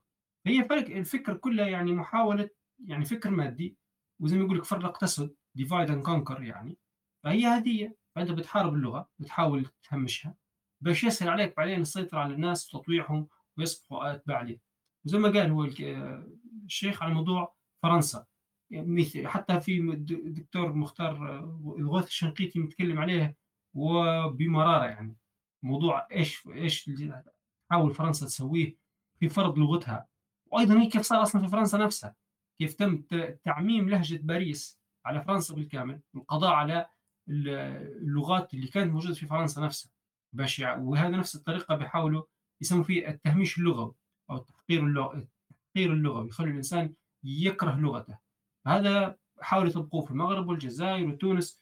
فمثلا مثال مثال الطرق اللي يستخدموا فيها ان مدرسين اللغة مثلا اللغة الفرنسية يجيبوا فيهم ناس مثلا يعني عندهم مهارات وأشياء ويعطوا فيهم في معاشات عالية في المقابل يجوا مدرسين اللغة العربية يتم التضييق عليهم من الناحيه المالية وغيرها إلى أن الناس تنفر إنها تكون تدرس لغة عربية فما يبدأش يدرسها إلا اللي ما عندهاش يعني مهارات وما عندهاش أشياء تقبل بالوظيفة وخلاص. فكل هذه تسبب في عملية تكريه الناس وتنفيرهم من لغتهم من اللغة العربية وإقبالهم على اللغة الأجنبية. وهذا موضوع طبعا يطول شرحه لكن أنا صراحة مبسوط جدا أن قرينا الكتاب هذا وخاصة الجزئية هذه. وفعلا لما جينا نتكلم على أي يعني نتكلم على الهوية اللغة هي الأساس وأيضا موضوع الدستور والكلام في موضوع اللغة يطول وآسف على الإطالة. بارك الله فيك. بارك الله فيك عبد الرحمن. جزاك الله كل خير إضافة لكلامك بس على موضوع اللغة وتهميشها وتحقيرها ومحاولة يعني السيطرة على الشعوب خلينا نقول من الاستعمار وغيرها.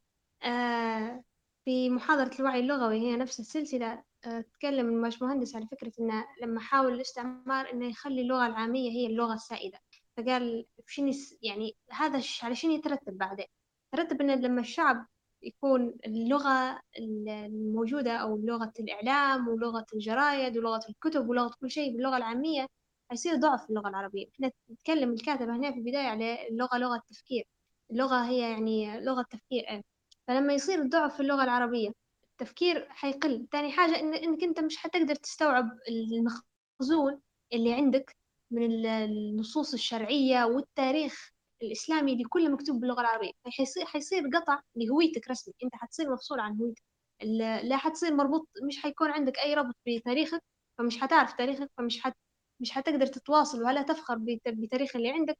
أيضا فكرة إنك أنت التفكير واحد حتشوف إن اللغة متاعك عائق عن الإبداع وعن ال وعن الابتكار وعن كل شيء. ف فبيصير نوع كأنه في آه، طمس للهوية أو أو خلينا نقولوا يعني الهوية حيصبح فيها خلل بسبب إنك أنت بس تغرت اللغة ضربتها. هو هنا الكاتب يتكلم من البداية إن صح اللغة هي ما هيش أصل ولكن أساس قوي لو نضرب زي هي زي التاريخ زي زي الثقافة. لو نضربه إيه ممكن الهوية والبعد العقدي كله ينهد بس من الأساسات هذه إن هي تنضرب. آه هذه بس حبيت نقطة نضيفها. لو أي حد عنده شيء حاب يضيفه في موضوع اللغة وأهميتها يتفضل. صفية شو رأيك؟ آه، أنت ذكرت الاستعمار. خطر في بالي حتى سلسلة خط الزمن لسرجاني رغب سرجاني مرة ذكر شيء قعد قعد في بالي. آه، الأتراك أيام تقريبا أتاتورك مش متأكدة حتى هم هذه الفكرة لتحقير اللغة وكذا وإبعادها عن الهوية الإسلامية. فاسم آه، محمد بالتركي لو تعرفوا إنه هو مهمت. يعني يعني حتى الاسم هذا شوفوا يعني اسم الرسول عليه الصلاة والسلام حاولوا أن يبعدوه تماما ويفقد يعني لو صح التعبير يفقد هويته بكل فالاسم محمد مهمت. يعني هم تحسي إن مرات حد يقول والله شيء تافه أو شيء بس يعني شوف العمق والتأثير يعني قديش قوي. هذا حاجة ثانية هيك في جملة لفتتني في الكتاب ندورها ترى. أيوه كيف قال أن حفظ اللغة من حفظ القرآن الكريم وحفظ القرآن من عقيدة المسلم. هذه يعني تخطي ماء الذهب. قوية بكل يعني سبحان الله. كل كل شوفي أنه هو تمهيدات تذكر تذكر تذكر العقيدة. فلو أنت عقيدتك صحيحة أنت حتحاول أنك تحفظ القرآن. وبعد صفية النقاط اللي ذكرتها مهمة وخطر على يعني حفظ اللغة. كانت في واحدة من الحاجات الجميلة واللي انبهرت بها لما عرفتها كيف أن اللغة العربية ما تغيرتش على مدى السنوات على آلاف السنين. ما صارش أي تغير زي باقي اللغات اللي تغيرت وتغيرت تراكيبها يعني اللغة الإنجليزية مش نفسها أبدا الشكل اللي كانت عليه زي الشكل اللي توا فأعتقد في محاضرة للدكتور عمر عبد المجيد الطيب أنا قلت الاسم بالطريقة الصحيحة فقعد يحكي إن مش عارفة فما منطقة إن عندهم مفاعلات نووية والأمور هذه فأما لغة ممكن نكتبوا بها التحذيرات والنصوص اللي لو يعني اللغة هذه ما يصيرهاش تغيير. فقط إن مثلا يصير ترجمة من اللغة هذه لأي ترجمة لأي لغة حي... حتصبح عليها أهل القوم أو أهل البلد هذه. فما لقوش إلا اللغة العربية هي اللغة الوحيدة اللي ما صارلهاش أصلا تغير من البداية إلى السنة لوقتنا الحالي. ممكن يكتبوا بها المعلومات هذه بحيث حتى لو صار بعد آلاف السنين قعدنا على وجه الكرة الأرضية مش حتتغير. ويجي بس الشخص يترجم من اللغة العربية إلى اللغة اللي موجودة حاليا ويفك ويفك التحذيرات أو التنبيهات الموجودة. فمن كثر ما إن اللغة العربية لا زالت محفوظة. وفي حاجة هو مش عارفة ذكرت في هذا الكتاب إن سبحان الله آه، اللغة العربية محفوظة بحفظها للدين. إن حتى سبحان الله أن ربي قال في كتابه الكريم أن القرآن هذا محفوظ. ما يصيرش فيه تغيير أو أو أي شيء فاللغة أيضا محفوظة بحفظ القرآن سبحان الله هذه بس حاجة حبيت نضيفها صفية موجودة معنا تقدر تكملي اللي كنت تقولي فيه. هو مش عارفة أمتى هرب صراحة. لكن بس فكرتيني يعني بكلامك آه، الملكة واحدة من ملكات بريطانيا مش عارفة فيكتوريا ممكن حتى يعني مع يا إما ما عجبهاش حرف أو ما كانتش تعرف تنطقه وتقريبا هو حرف الآر فنحاته من اللغة تماما. آه لا آه حرف الخاء آسفة حرف الخاء. تقريبا اللغة الإنجليزية كان فيها حرف الخاء. يا إما ما عرفتش تنطقه ولا حساتها رزين وحساتها يعني مش جميل ومش لطيف فنزعاتها فيعني تخيلوا لو لو شيء زي هيك يصير مع اللغة العربية. لا يمكن يعني تخيلوا شيء سبحان الله بس مش واحد يعرف آه، عظمة اللغة وأن كيف فعلا هي محفوظة. من الله سبحانه وتعالى. سبحان الله فعلا. بارك الله فيك صفية. آه، لو عندكم أي إضافة حابين تضيفوها مازال المساحة مفتوحة لكم وإلا ممكن نستكمل الورد. تمام إذا نستكمل الورد. بسم الله الرحمن الرحيم.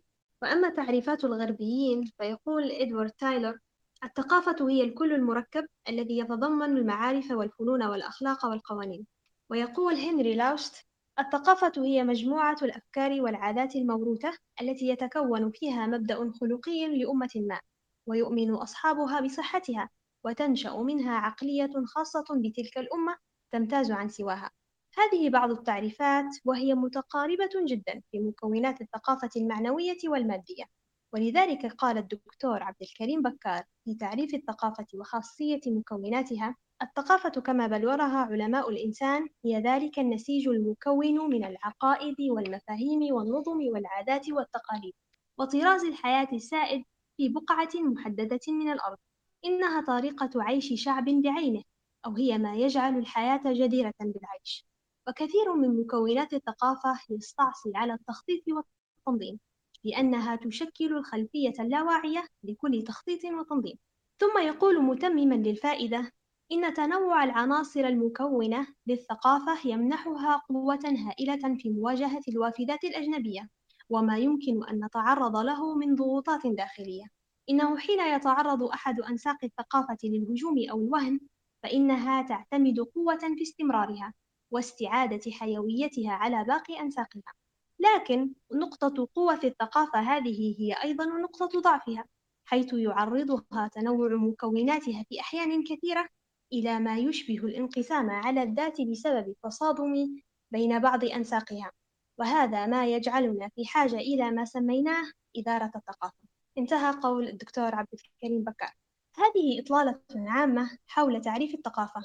أما تعريف الثقافة الإسلامية على وجه الخصوص فقد عرفها الدكتور عمر الأشقر رحمه الله بأنها معرفة مقومات الأمة الإسلامية العامة بتفاعلاتها في الماضي والحاضر من دين ولغة وتاريخ وحضارة وقيم وأهداف مشتركة بين بصورة واعية هادفة.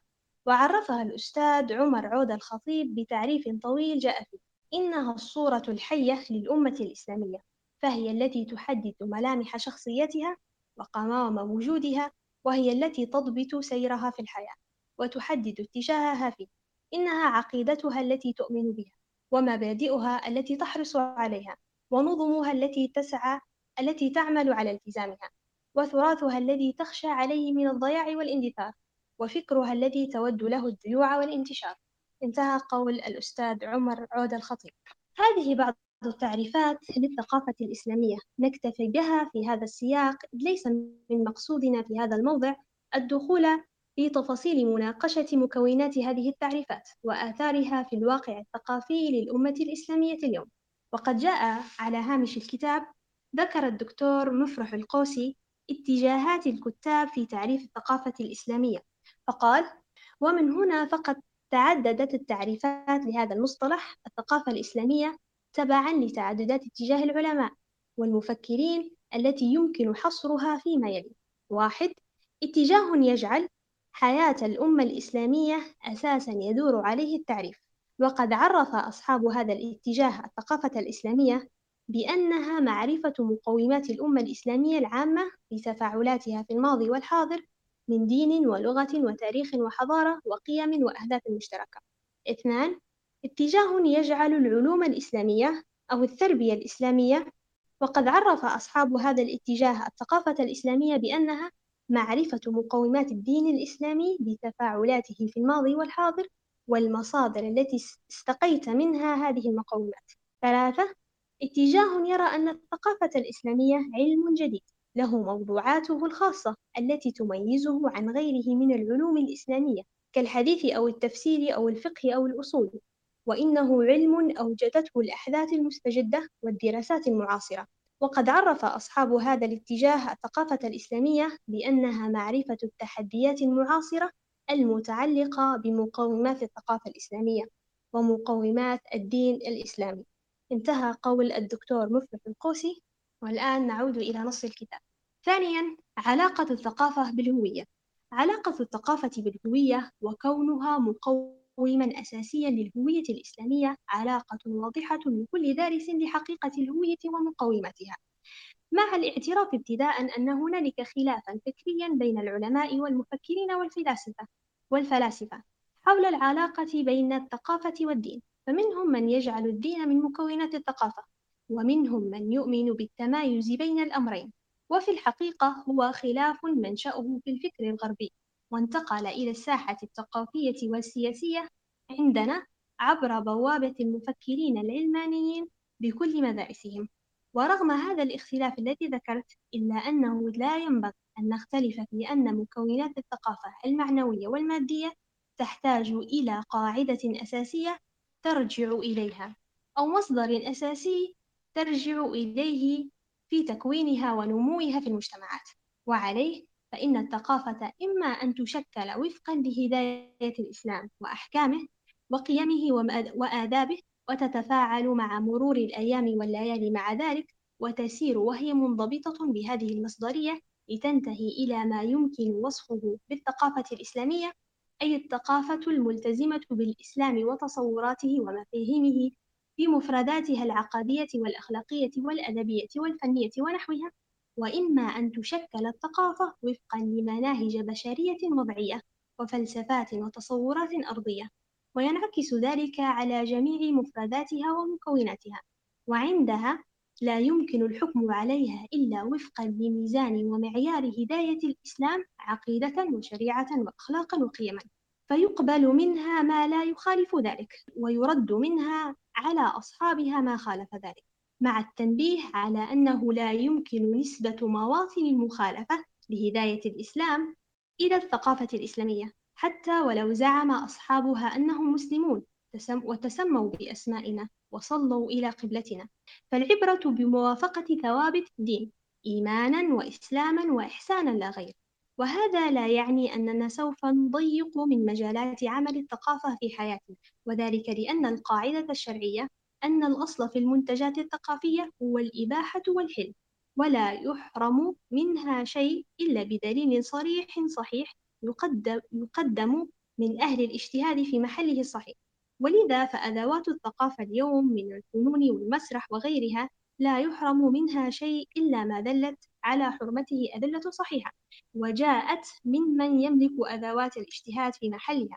وعليه فما كان ثقافة إسلامية فهو بدون شك جزء أصيل من مكونات الهوية الإسلامية وسينعكس على شخصية المسلم الحريص على هويته وتميزه الذاتي في أواسط عالم لا يعمل فقط على الحفاظ على خصوصيته الثقافية بل يسعى لنشرها بين الناس حينا بأدوات سلمية وأحيانا كثيرة بأدوات تعسفية وخطط استعمارية وروح استعلائية. ثالثا الفرق بين الثقافة والعلم من الأمور التي ينبغي التفطن لها في هذا الموطن ما يتعلق بضرورة التفريق بين الثقافة والعلم. والقاعدة في ذلك أن الثقافة تتعلق بالسلوك والعلم يتعلق بالمعرفة. وقد أشار الأستاذ محمود شاكر بكلمة جامعة في ذلك بقوله ولكنني لا أفارقه حتى أنبهك لشيء مهم جدا هو أن تفصل فصلا حاسما بين ما يسمى ثقافة وبين ما يسمى علما وأعني العلوم البحتة. لأن لكل طبيعة متبينة للآخر فالثقافة مقصورة على أمة واحدة تدين بدين واحد والعلم مشاع بين خلق الله جميعا يشتركون فيه اشتراكا واحدا مهما اختلفت الملل والعقائد. انتهى قول الأستاذ محمود شاكر. وما ذكره الأستاذ محمود شاكر هو من أهم الفوارق بين الثقافة والعلم ولعل التفصيل في ذلك في غاية الأهمية. وخلاصة الفوارق نذكرها على النحو الآتي. ألف العلم عالمي لا وطن له ولذا فلا تختص به أمة من الأمم دون الأخرى وإنما هو مشترك بين جميع الأمم. بخلاف الثقافة فإن لكل أمة ثقافتها. باء العلم يمكن تبادله بين الأمم والشعوب. أما الثقافة فهي عكس ذلك حيث نجد كل أمة تحرص على ثقافتها وتسعى لنشرها بين الأمم وتحاول منع أبنائها من التأثر بغيرها. فالعلم محصلة إسهام الأمم كلها بخلاف الثقافة. وقد جاء في هامش الكتاب يقول الدكتور عمر الأشقر رحمه الله والعلم هو مجموعة حقائق التي توصل إليها العقل الإنساني في مراحل تفكيره وتجاربه وملاحظاته المتسلسلة بتسلسل الزمن والمحررة والمحررة بالامتحانات المتكررة. فلا تختلف بتفاوت الأذواق ولا تتغير بتغير المصالح. وهذا النوع من العلم تراث إنساني عالمي لا تختص به أمة ولا تحتكره قارة من قارات الأرض فيكون غيرها عالة عليها فيه. إنه مشاع كالهواء الذي نتنفسه والبحار التي تحيط باليابسة وتبحر فيها ألوف السفن حاملة مئات الأعلام التي الأعلام ولا زالت الدول تتبارى وتتنافس في تحصيل هذه العلوم. بل إن الدول تبذل الأموال النفيسة لمن يعرفها الأسرار العلمية التي توصلت إليها الدول التي تخالف عقيدتها ومبادئها ولكن رجال الإصلاح ورجال القيادة في تلك الدولة نفسها يقضون الليالي الطوال باحثين عن الطريقة التي يحمون بها أبناء أمتهم من العقائد الداخلة والفتن انتهى قول الدكتور عمر الأشقر من كتاب نحو ثقافة إسلامية أصيلة. نعود إلى نص الكتاب. ونستكمل الفوارق. تا الثقافة تطبع الأمة بطابع خاص يميزها عن غيرها ويحدد شخصيتها وهويتها. أما العلم فلا علاقة له بذلك. فالعلم التجريبي منتوجاته مادية كالأجهزة التي نراها اليوم والأدوات العلمية والتقنية. أما الثقافة فمنتوجاتها سلوكيات وعلاقات بين الناس وتحيد للمواقف الفكرية والثقافية. جيم العلم جزء من الثقافة لأنه لا يتصف بصفة واحدة مميزة كما هو حال الثقافة التي هي أعم وأشمل. هذه بعض الفوارق التفصيلية بين مفهوم الثقافة ومفهوم العلم وانعكاس ذلك على الواقع الإنساني. وسبب ذكري لهذا التفصيل هو ما نجده على الدوام على ألسنة المستغربين أبناء الثقافة الغربية. فكلما طالبنا بالمحافظة على الخصوصية الثقافية للأمة وأنها مقوم أساسي من مقومات الهوية الإسلامية واجهونا بالسؤال الممجوج كيف تطالبون بالخصوصية الثقافية؟ فهل تريدون أن تحرموا الأمة, الأمة المسلمة من المنتجات العلمية والتقنية التي توصل إليها الغرب؟ والجواب عن ذلك هو ما قلته مختصرا في ضرورة التفريق بين العلم ومنتجاته والثقافة ومنتجاتها وعدم تفريق هؤلاء بينهما هو الذي أوقعهم في تكرار هذا السؤال الذي يظن بعضهم أنه من أقوى أسئلتهم المحرجة لكل من طالب بالخصوصية الثقافية للأمة المسلمة ودافع عنها. انتهى الورد هنا. آه إذا نحن نفتح باب النقاش الآن حول هذه الجزئية لتتكلم عن الثقافة وحسيت من لما قرأ زين أن الثقافة والهوية فيهم هلبة تشابه. وهلبة تداخل هو حتى الكاتب يعني من البداية قال إن الثقافة أو جاب من نصوص كتاب آخرين إن الثقافة هلبة يعني آه، أمر معقد فكها. فحسيت إن من التعريفات في هلبة شبه بين الثقافة والهوية. فمش عارفة أنتم شو رأيكم؟ في حاجة بس هو ذكرها أكثر من مرة. لما يتكلم عن الثقافة يقول مكونات يعني يذكر المكونات المادية والمعنوية. وهذا الشيء حتى يعني تم ذكره في في محاضرة الوعي اللغوي لما تكلم عن الثقافة شنو هي. آه، قال يعني أن أشبه تعريف لنا هو التعريف الألماني إنه يفصل بين الثقافة المعنوية والمادية وهذا الشيء مذكور في القرآن لما لما الله عز وجل يتحدث على الأقوام السابقة كيف أنهم هم بنوا حضارات ولكن هالحضارات هذه العظيمة هي مفصولة عن آه، الثقافة المادية الثقافة المعنوية متاعهم اللي هي كانت الشرك بالله والأمور هذه الأخرى. وهو هنا ذكر يعني أن الثقافة فيها جانب من السلوكيات وفي نفس الوقت فيها جانب من الماديات اللي هي العادات والتقاليد والفنون وغيرها. فممكن هذا أقرب شيء نحس فيه آه باش نقدر نفهم الثقافة شنو هي. آه صح. أنا حتى أنا يعني حسيته هو معقد شوية. ممكن الكلمة تحس إنها ثقافة ماشية في نظام الحياة متعلقة حتى شوية بالعرف. آه باهي المثال أنا ممكن اللي جاي في بالي ممكن نوضح بيه المعنى. لو حد سألني آه، والربط بين الجانب مثلا المعنوي والمادي فكرة مثلا مثلا إحنا في حياتنا ك... كعرب مسلمين خلينا نقولوا مثلا فكرة المربوعة. أن المربوعة مخصصة أولا تجي برا الحوش أو يعني الجزء الجزء للضيوف والجزء الخارجي مش ضمن الحوش نفسه. بحيث أولا مثلا ما يصيرش اختلاط بين الرجال والنساء لأن إحنا كمسلمين عندنا خصوصية أن يعني البيت فيه حرمة والمرأة ما بتتحجب بينما وهذا الشيء خاص بينا يعني هذه الخصوصية بينما مثلا في عند الغرب أو كذا لا عادي ما في مش ما فيش داعي من كلمة مربوعة أو حجرة خارجية عادي يخش الضيف لي وسط وسط الحوش ومع أهل البيت يقعد معاهم وكل شيء ما فيش أي حرج ما فيش أي حرج. هذا يبين البعد الديني. حتى ممكن مثلا في أنت ذكرتي الأقوام السابقة وكذا وكيف يعني حضاراتهم كذا فكرة نفس الشيء في البيت لكن تصميم البيت نفسه وال, وال... يعني مثلا قصة ال... قصة الرواش إنه هيك آه هو مثال حي مثلا. إحنا عندنا في آه عندنا مثلا في غدامس هنا مثلا في شركات تلقى مثلا يقولوا لهم محياس كندي هذه شركة كندية هذه شركة تركية هذه كذا. فتلقى التصميم أساسا هو مش مناسب لثقافتنا إحنا. تلقى روشن فاتح عليه جنان الجيران عليه صالة ف فهذه اللي يعني مثال واقع ممكن يجي في بالي. بارك الله فيك صفية. فعلا آه، فكرة ال يعني المعمار كيف فعلا كل هوية لها معمار يعني كل مدينة أو كل بلاد لها ثقافتها في هذا الموضوع وهو هنا يجي جانب الثقافة الإسلامية إن تحافظ على ثقافة البلاد لكن في نفس الوقت نرجع نقوله بضوابط بالضوابط الإسلامية. في حاجة خطرت في بالي توا على فكرة الثقافة المادية والمعمار المادي آه وهنا ذكرها هو الكاتب إن إحنا لما مثلا نبنوا ثقافة الإسلامية إما إن هي تكون آه مستقاة من الدين الإسلامي وهداية الإسلام فهي تدور في هذا الفلك أو إما إحنا نبنوها على القوانين الوضعية البشرية لكن في نفس الوقت بعدين بنجي نشوفه بقى هذا اللي حضرناه إحنا هل صح أو خطأ؟ فبنرجع للإسلام. هنا سبحان الله تو مش تذكرت فكرة تو إحنا الشيء الموجود المعمار حاليا الموجودة هو ناطحات السحاب والأمور هذه كلها. بتجي مثلا نجي بمقاييس الإسلام. هل مثلا هذا الشيء الصحيح أنا ما نقولش حلال أو حرام ولكن هل هذا الشيء الصحيح؟ هل هذا الشيء اللي يتماشى مع هويتنا الإسلامية وفكرة ال... فكرة النفع وفكرة الفائدة وفكرة كل هذه الأمور؟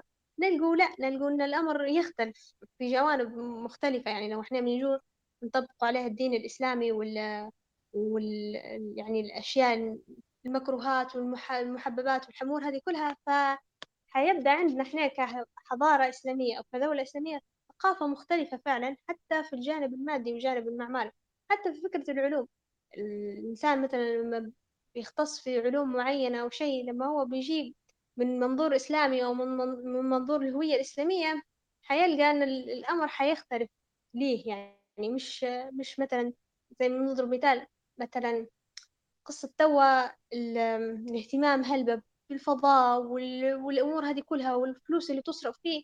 ممكن في ناس يشوفوا فيه حاجة جنينة واو واحد. لكن إحنا مثلا بنجيب تسقطيه آه، في, الدين واحد. أوكي الاهتمام طبعا بالفلك حاجة مهمة والعلوم هذه ولكن مش بالمبالغة هذه لأن أموال قاعدة تصرف بشكل كبير. ف... فطريقة التفكير هي تتغير بالفعل لما لما الإنسان يبدأ ماشي بهوية إسلامية. أو بيحكم الشريعة الإسلامية أو الإسلام في الموضوع فكل شيء حيتغير. هذه مش عارفة هي لو لها علاقة بالموضوع لكن حبيت نتكلم عليها آه لو في أي مداخلة ف... فهذه المسألة المساحة مفتوحة تفضل عبد الرحمن. آه السلام عليكم. بارك الله فيك يا زرع القراءة الطيبة آه أنا نسمعك نحاول نفكر به واحدة من الأشياء اللي ممكن آه، تتعلق بموضوع الثقافة. أنا مؤخرا نشرت آه، فيديو على صفحتي على الفيسبوك لجدة ممكن مغربية ولا جزائرية تلعب في حفيد لها شادة يده ويدير لديك إحنا زي ما نقولوا بليبي طباخ طباخ وكذا. ف لما شفت الفيديو طول حسيت بشعور غريب. حسيت فعلا إحنا أمة واحدة إن في موروث هيك متوارث خلال يعني دول المغرب العربي. ممكن واحدة في التعليقات قالت راه في جدة في السعودية حتى دارت نفس يعني دي يلعب في نفس اللعبة. هذا نشوف فيه موروث ثقافي؟ هذا موروث ثقافي. ممكن يختلف من من منطقة للثانية المصطلحات الكلام اللعب نفسه هذا موروث ثقافي وعظيم جدا وجوده يعطي آه، زي ما قال هو زي في شنو؟ المتخفي ولا قالها زي يعني المتلثم. باهي هو السر المتلثم هذا الموجود بين الأمم. آه وسبحان الله يعني حاجة تو بدأت لمس فيها موضوع الثقافة. وكيف ممكن الثقافة الإسلامية. نرجع لنفس القصة للشاب اللي الألباني اللي تعرفت عليه. مرة مرة يقول لي في هذه إحنا بالألباني نقول هكي نقول يا إحنا بالليبيين نقول نفس القصة قصدي ممكن نفس نفس التعليق أنا ونفس نقول إحنا إيه تعليق تعليق معين مرات. أو مثل نضربوا به على حاجة معينة تصير. فسبحان الله نلقى نفس طريقة التفكير. باهي. هذا نشوف فيه كله ضمن الثقافة. ممكن تختلف اللغة لكن راهي الثقافة هي هي. طريقة تعاملنا مع الأمر وتشبيهنا ليه. ف لكن نقطة مهمة أيضا هو اللي ذكرها. آه، في موضوع أنه أن ما تكونش هي اللي لها الكلمة العليا. يعني لازم تكون هي تابعة للدين تابعة للعقيدة. إذا كان فعلا زي ما قلنا العقيدة فأشياء يعني إذا كان في التراث والموروث شيء يتنافى فيوقف. هذه الخط الفاصل ما بين أنك أنت تكون الدين هو الأساس ولا الثقافة المجتمعية هي الأساس هو هذا اللي يصير فيه تلخبط وكثير من الناس اللي بقلة علمها تعلي من أمر الثقافة تحطه هو الأساس. فلو سمع معلومة دينية أو عرف مثلا شيء في الفقه أو في الشريعة بين الحلال والحرام مكروه يبدأ يقول لا يبدأ يرفض يرفض في الشرع باش يثبت العقيدة متاعه أو يثبت الثقافة اللي هو متشربها. وهذه اللي منها على القرآن هذا ما وجدنا عليه آبائنا وأجدادنا. قصدي بمعناه يعني. فأنت تتشبت بما لقيت عليه آبائك وأمهات فهذا كارثة. وأيضا إحنا ممكن في ليبيا الحمد لله وضعنا قاعد أحسن لكن لما تسمع ناس شعوب ثانية يعني كان يحكي لي على الخرافات اللي عندهم في ألبانيا غادي شيء رهيب يعني. في ناس لا ما تصليش إلا في العيد بس حساب إنه يدير في شيء صح. يعني في ناس تصيم في رمضان ثلاث أيام بس في رمضان. هذيك حساب روحها صام رمضان. أول يوم في النص وآخر يوم. عندهم خرافات موضوع مثلا آه، يتبركوا بجبل معين و... فكل هذه شنو يصير؟ إنه هو أصبح موروث ثقافي عندهم وهم مسلمين يقول كان مسلم لكن هذا الموروث الثقافي هو اللي ينتمي ليه هو اللي يشكل الهوية بتاعه لكن لما جيت تخش تشد الموروث الثقافي تحطه على طاولة المشرحة وتحلله وتصنفه تلقاه ماليش علاقة بالإسلام بل ضد الإسلام بالكامل. مليء بالشركيات ومليء بكذا. وإحنا في ليبيا علاش نمشي بعيد؟ إحنا في ليبيا لعهد قريب بعض الجدات وبعض الناس الكبار في السن مؤثر فيهم الموروث الثقافي اللي هو أصلا يتعارض مع الدين. زي مثلا يقول لك يا سيدي عبد السلام يا سيدي مش عارف مين يا س... وين هذا وين هذا؟ فكلها يت... الموروث الثقافي أصبح يعني محتاج غربلة. والحمد لله إنه تكلم عليه في الكتاب هذا. حتى ما يعني الدستور يتلافى أو يصحح من الأخطاء هذه اللي موجودة في المجتمع والله أعلم اسف على الإطالة. بارك الله فيك عبد الرحمن. فعلا موضوع الثقافة وتعرضها من الدين حتى مثلا نبسط الأشياء حتى في الأعراس مثلا في أمور آه، موروث ثقافي واحد لكن هي تتنافى مع الدين يعني بشكل صريح وواضح. في حتى من بعض العادات والتقاليد ما هياش يعني أصلها ومنشأها آه، مش مثلا موروث ثقافي لشعب ما بل إنه هو أصله ديني يعني في ديانات أخرى زي اليهودية لما كان في ليبيا واحد تلقى أن العادات والتقاليد هذه شملت على كل الليبيين كل أعراسهم يديروا فيها. وهي ما يعرفوش إن المنشأ والأصل من ديانة أخرى ومن يعني إن هم قاعدين يديروا في طقوس آه، يعني ديانة أخرى. ديانة أخرى ف... إيه عبد الرحمن تفضل. أعطي مثال بس مثال أنا تو أختار على بالي. على موضوع موضوع الموروث الثقافي مش حيمشي بعيد لحاجة الشباب يمارسوها وأنا طبعا كخريج من كلية الهندسة عندنا شيء إحنا كل حد يتخرج يصبح فيلم رعب لأن الشباب بيتحلفوا فيه وبيضربوه و... ويروح يقول لك إحنا نبصره إحنا نمزحه بس هو أمر مش قادرين ينفكوا عليه؟ يعني هو ضروري تتساوى. يعني قصدي ضروري يندار الأمر هذا زي ما هو. يجيبوا مثلا دحي ويجيبوا زيت السيارات ويصبوا عليه ويتفننوا في إبداع في الشر في إن هم يدلوا الشخص هذا. وفي منهم قصص إحنا نعرفها في اللي عينه خسرها في اللي صبصر شن صار له في اللي صار له فشل كلوي في اللي بسبب حماقات يقوم بها الشباب ما يبيش يوقف في ممارستها لأنه يقول لك هيك الثقافة هذه المجتمع هيك إحنا نديره. ممكن ما يقولوش كلمة ثقافة؟ ما تجيش تعودنا هيك فهمت كيف؟ يقول راه الشرع والدين يقول لك غلط ما يجيش ما, ما يقتنعش ما يقتنعش. فهذه عندنا كيف إن المشكلة آه، مجموعة الناس هذه مثال بس يعني هذه نقطة في بحر. يعني كثير من الأمور زي ما انت ذكرتي في موضوع الاعراس حتى موضوع العريس ياخذوا دحي ويخبطوا عليه ونفس القصة هي تطبق على العراس تطبق حتى على الخريجين آه، يعني كيف حديثي التخرج.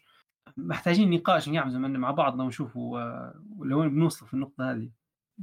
الله غالب. فعلا سبحان الله. وهنا مش عارفة أستحضر الآية الكريمة. فكرة إن الدين هو ما يمنعش ثقافة وعادات وسلوكيات المجتمع ما. بينما هو يهذبها فقط. آه، في الآية الكريمة يعني قال الله عز وجل يعني يوجه النبي عليه الصلاة والسلام خذوا العفو وأمر بالمعروف وأعرض عن الجاهلين بهذه الطريقة الحاجة الحسنة اللي كانت يعني موجودة في الشعب وفي المجتمع من عادة كويسة خلاص يتم يعني يثبت عليها الإنسان ويستمر عليها. الحاجة اللي تنافي الدين وهي أصلا تضر في الإنسان زي ما حكيت فكرة ال فكرة ال هذه الحاجات اللي تندار هي هي ضرر ما فيهاش منفعة. خلاص الإنسان يباعد عليها. فهنا هنا في مسألة هوى في النفس. فهنا سبحان الله يجي العنصر الإسلامي يجي فكرة الثقافة الإسلامية بحيث إن إحنا تتصلح هذه الأمور. بارك الله فيك عبد الرحمن. آه بالضبط. هاجر بس خذي العفو وأمر بالعرف. فالأمر بالعرف مهم جدا في بعض تقريبا حتى من مرة مرت علي في الفقه أنها الشخص لما يكون ملتزم بعرف البلد طبعا إذا كان العرف هذا ما يتنافاش مع الإسلام مهم جدا في مثلا قبول شهادة ذلك الشخص؟ يعني لو الشخص لو مش ملتزم بعرف الناس مخالف للعرف تمام؟ ما تقبلش الشهادة متاعه في المحاكم وكذا. فأمر العرف مهم جدا لكن زي ما قلنا على كلام فيش داعي نعاود الكلام بارك الله فيكم بارك الله فيك عبد الرحمن. شكرا جزيلا لك. لو أي حد عنده إضافة فممكن ناخذها وإلا وصلنا هنا إلى ختام هذه الجلسة. تمام إذا نختم هذه الجلسة. آه سبحانك اللهم وبحمدك أشهد أن لا إله إلا أنت نستغفرك ونتوب إليك. بسم الله الرحمن الرحيم. والعصر إن الإنسان لفي خسر إلا الذين آمنوا وعملوا الصالحات وتواصوا بالحق وتواصوا بالصبر. والسلام عليكم ورحمة الله وبركاته.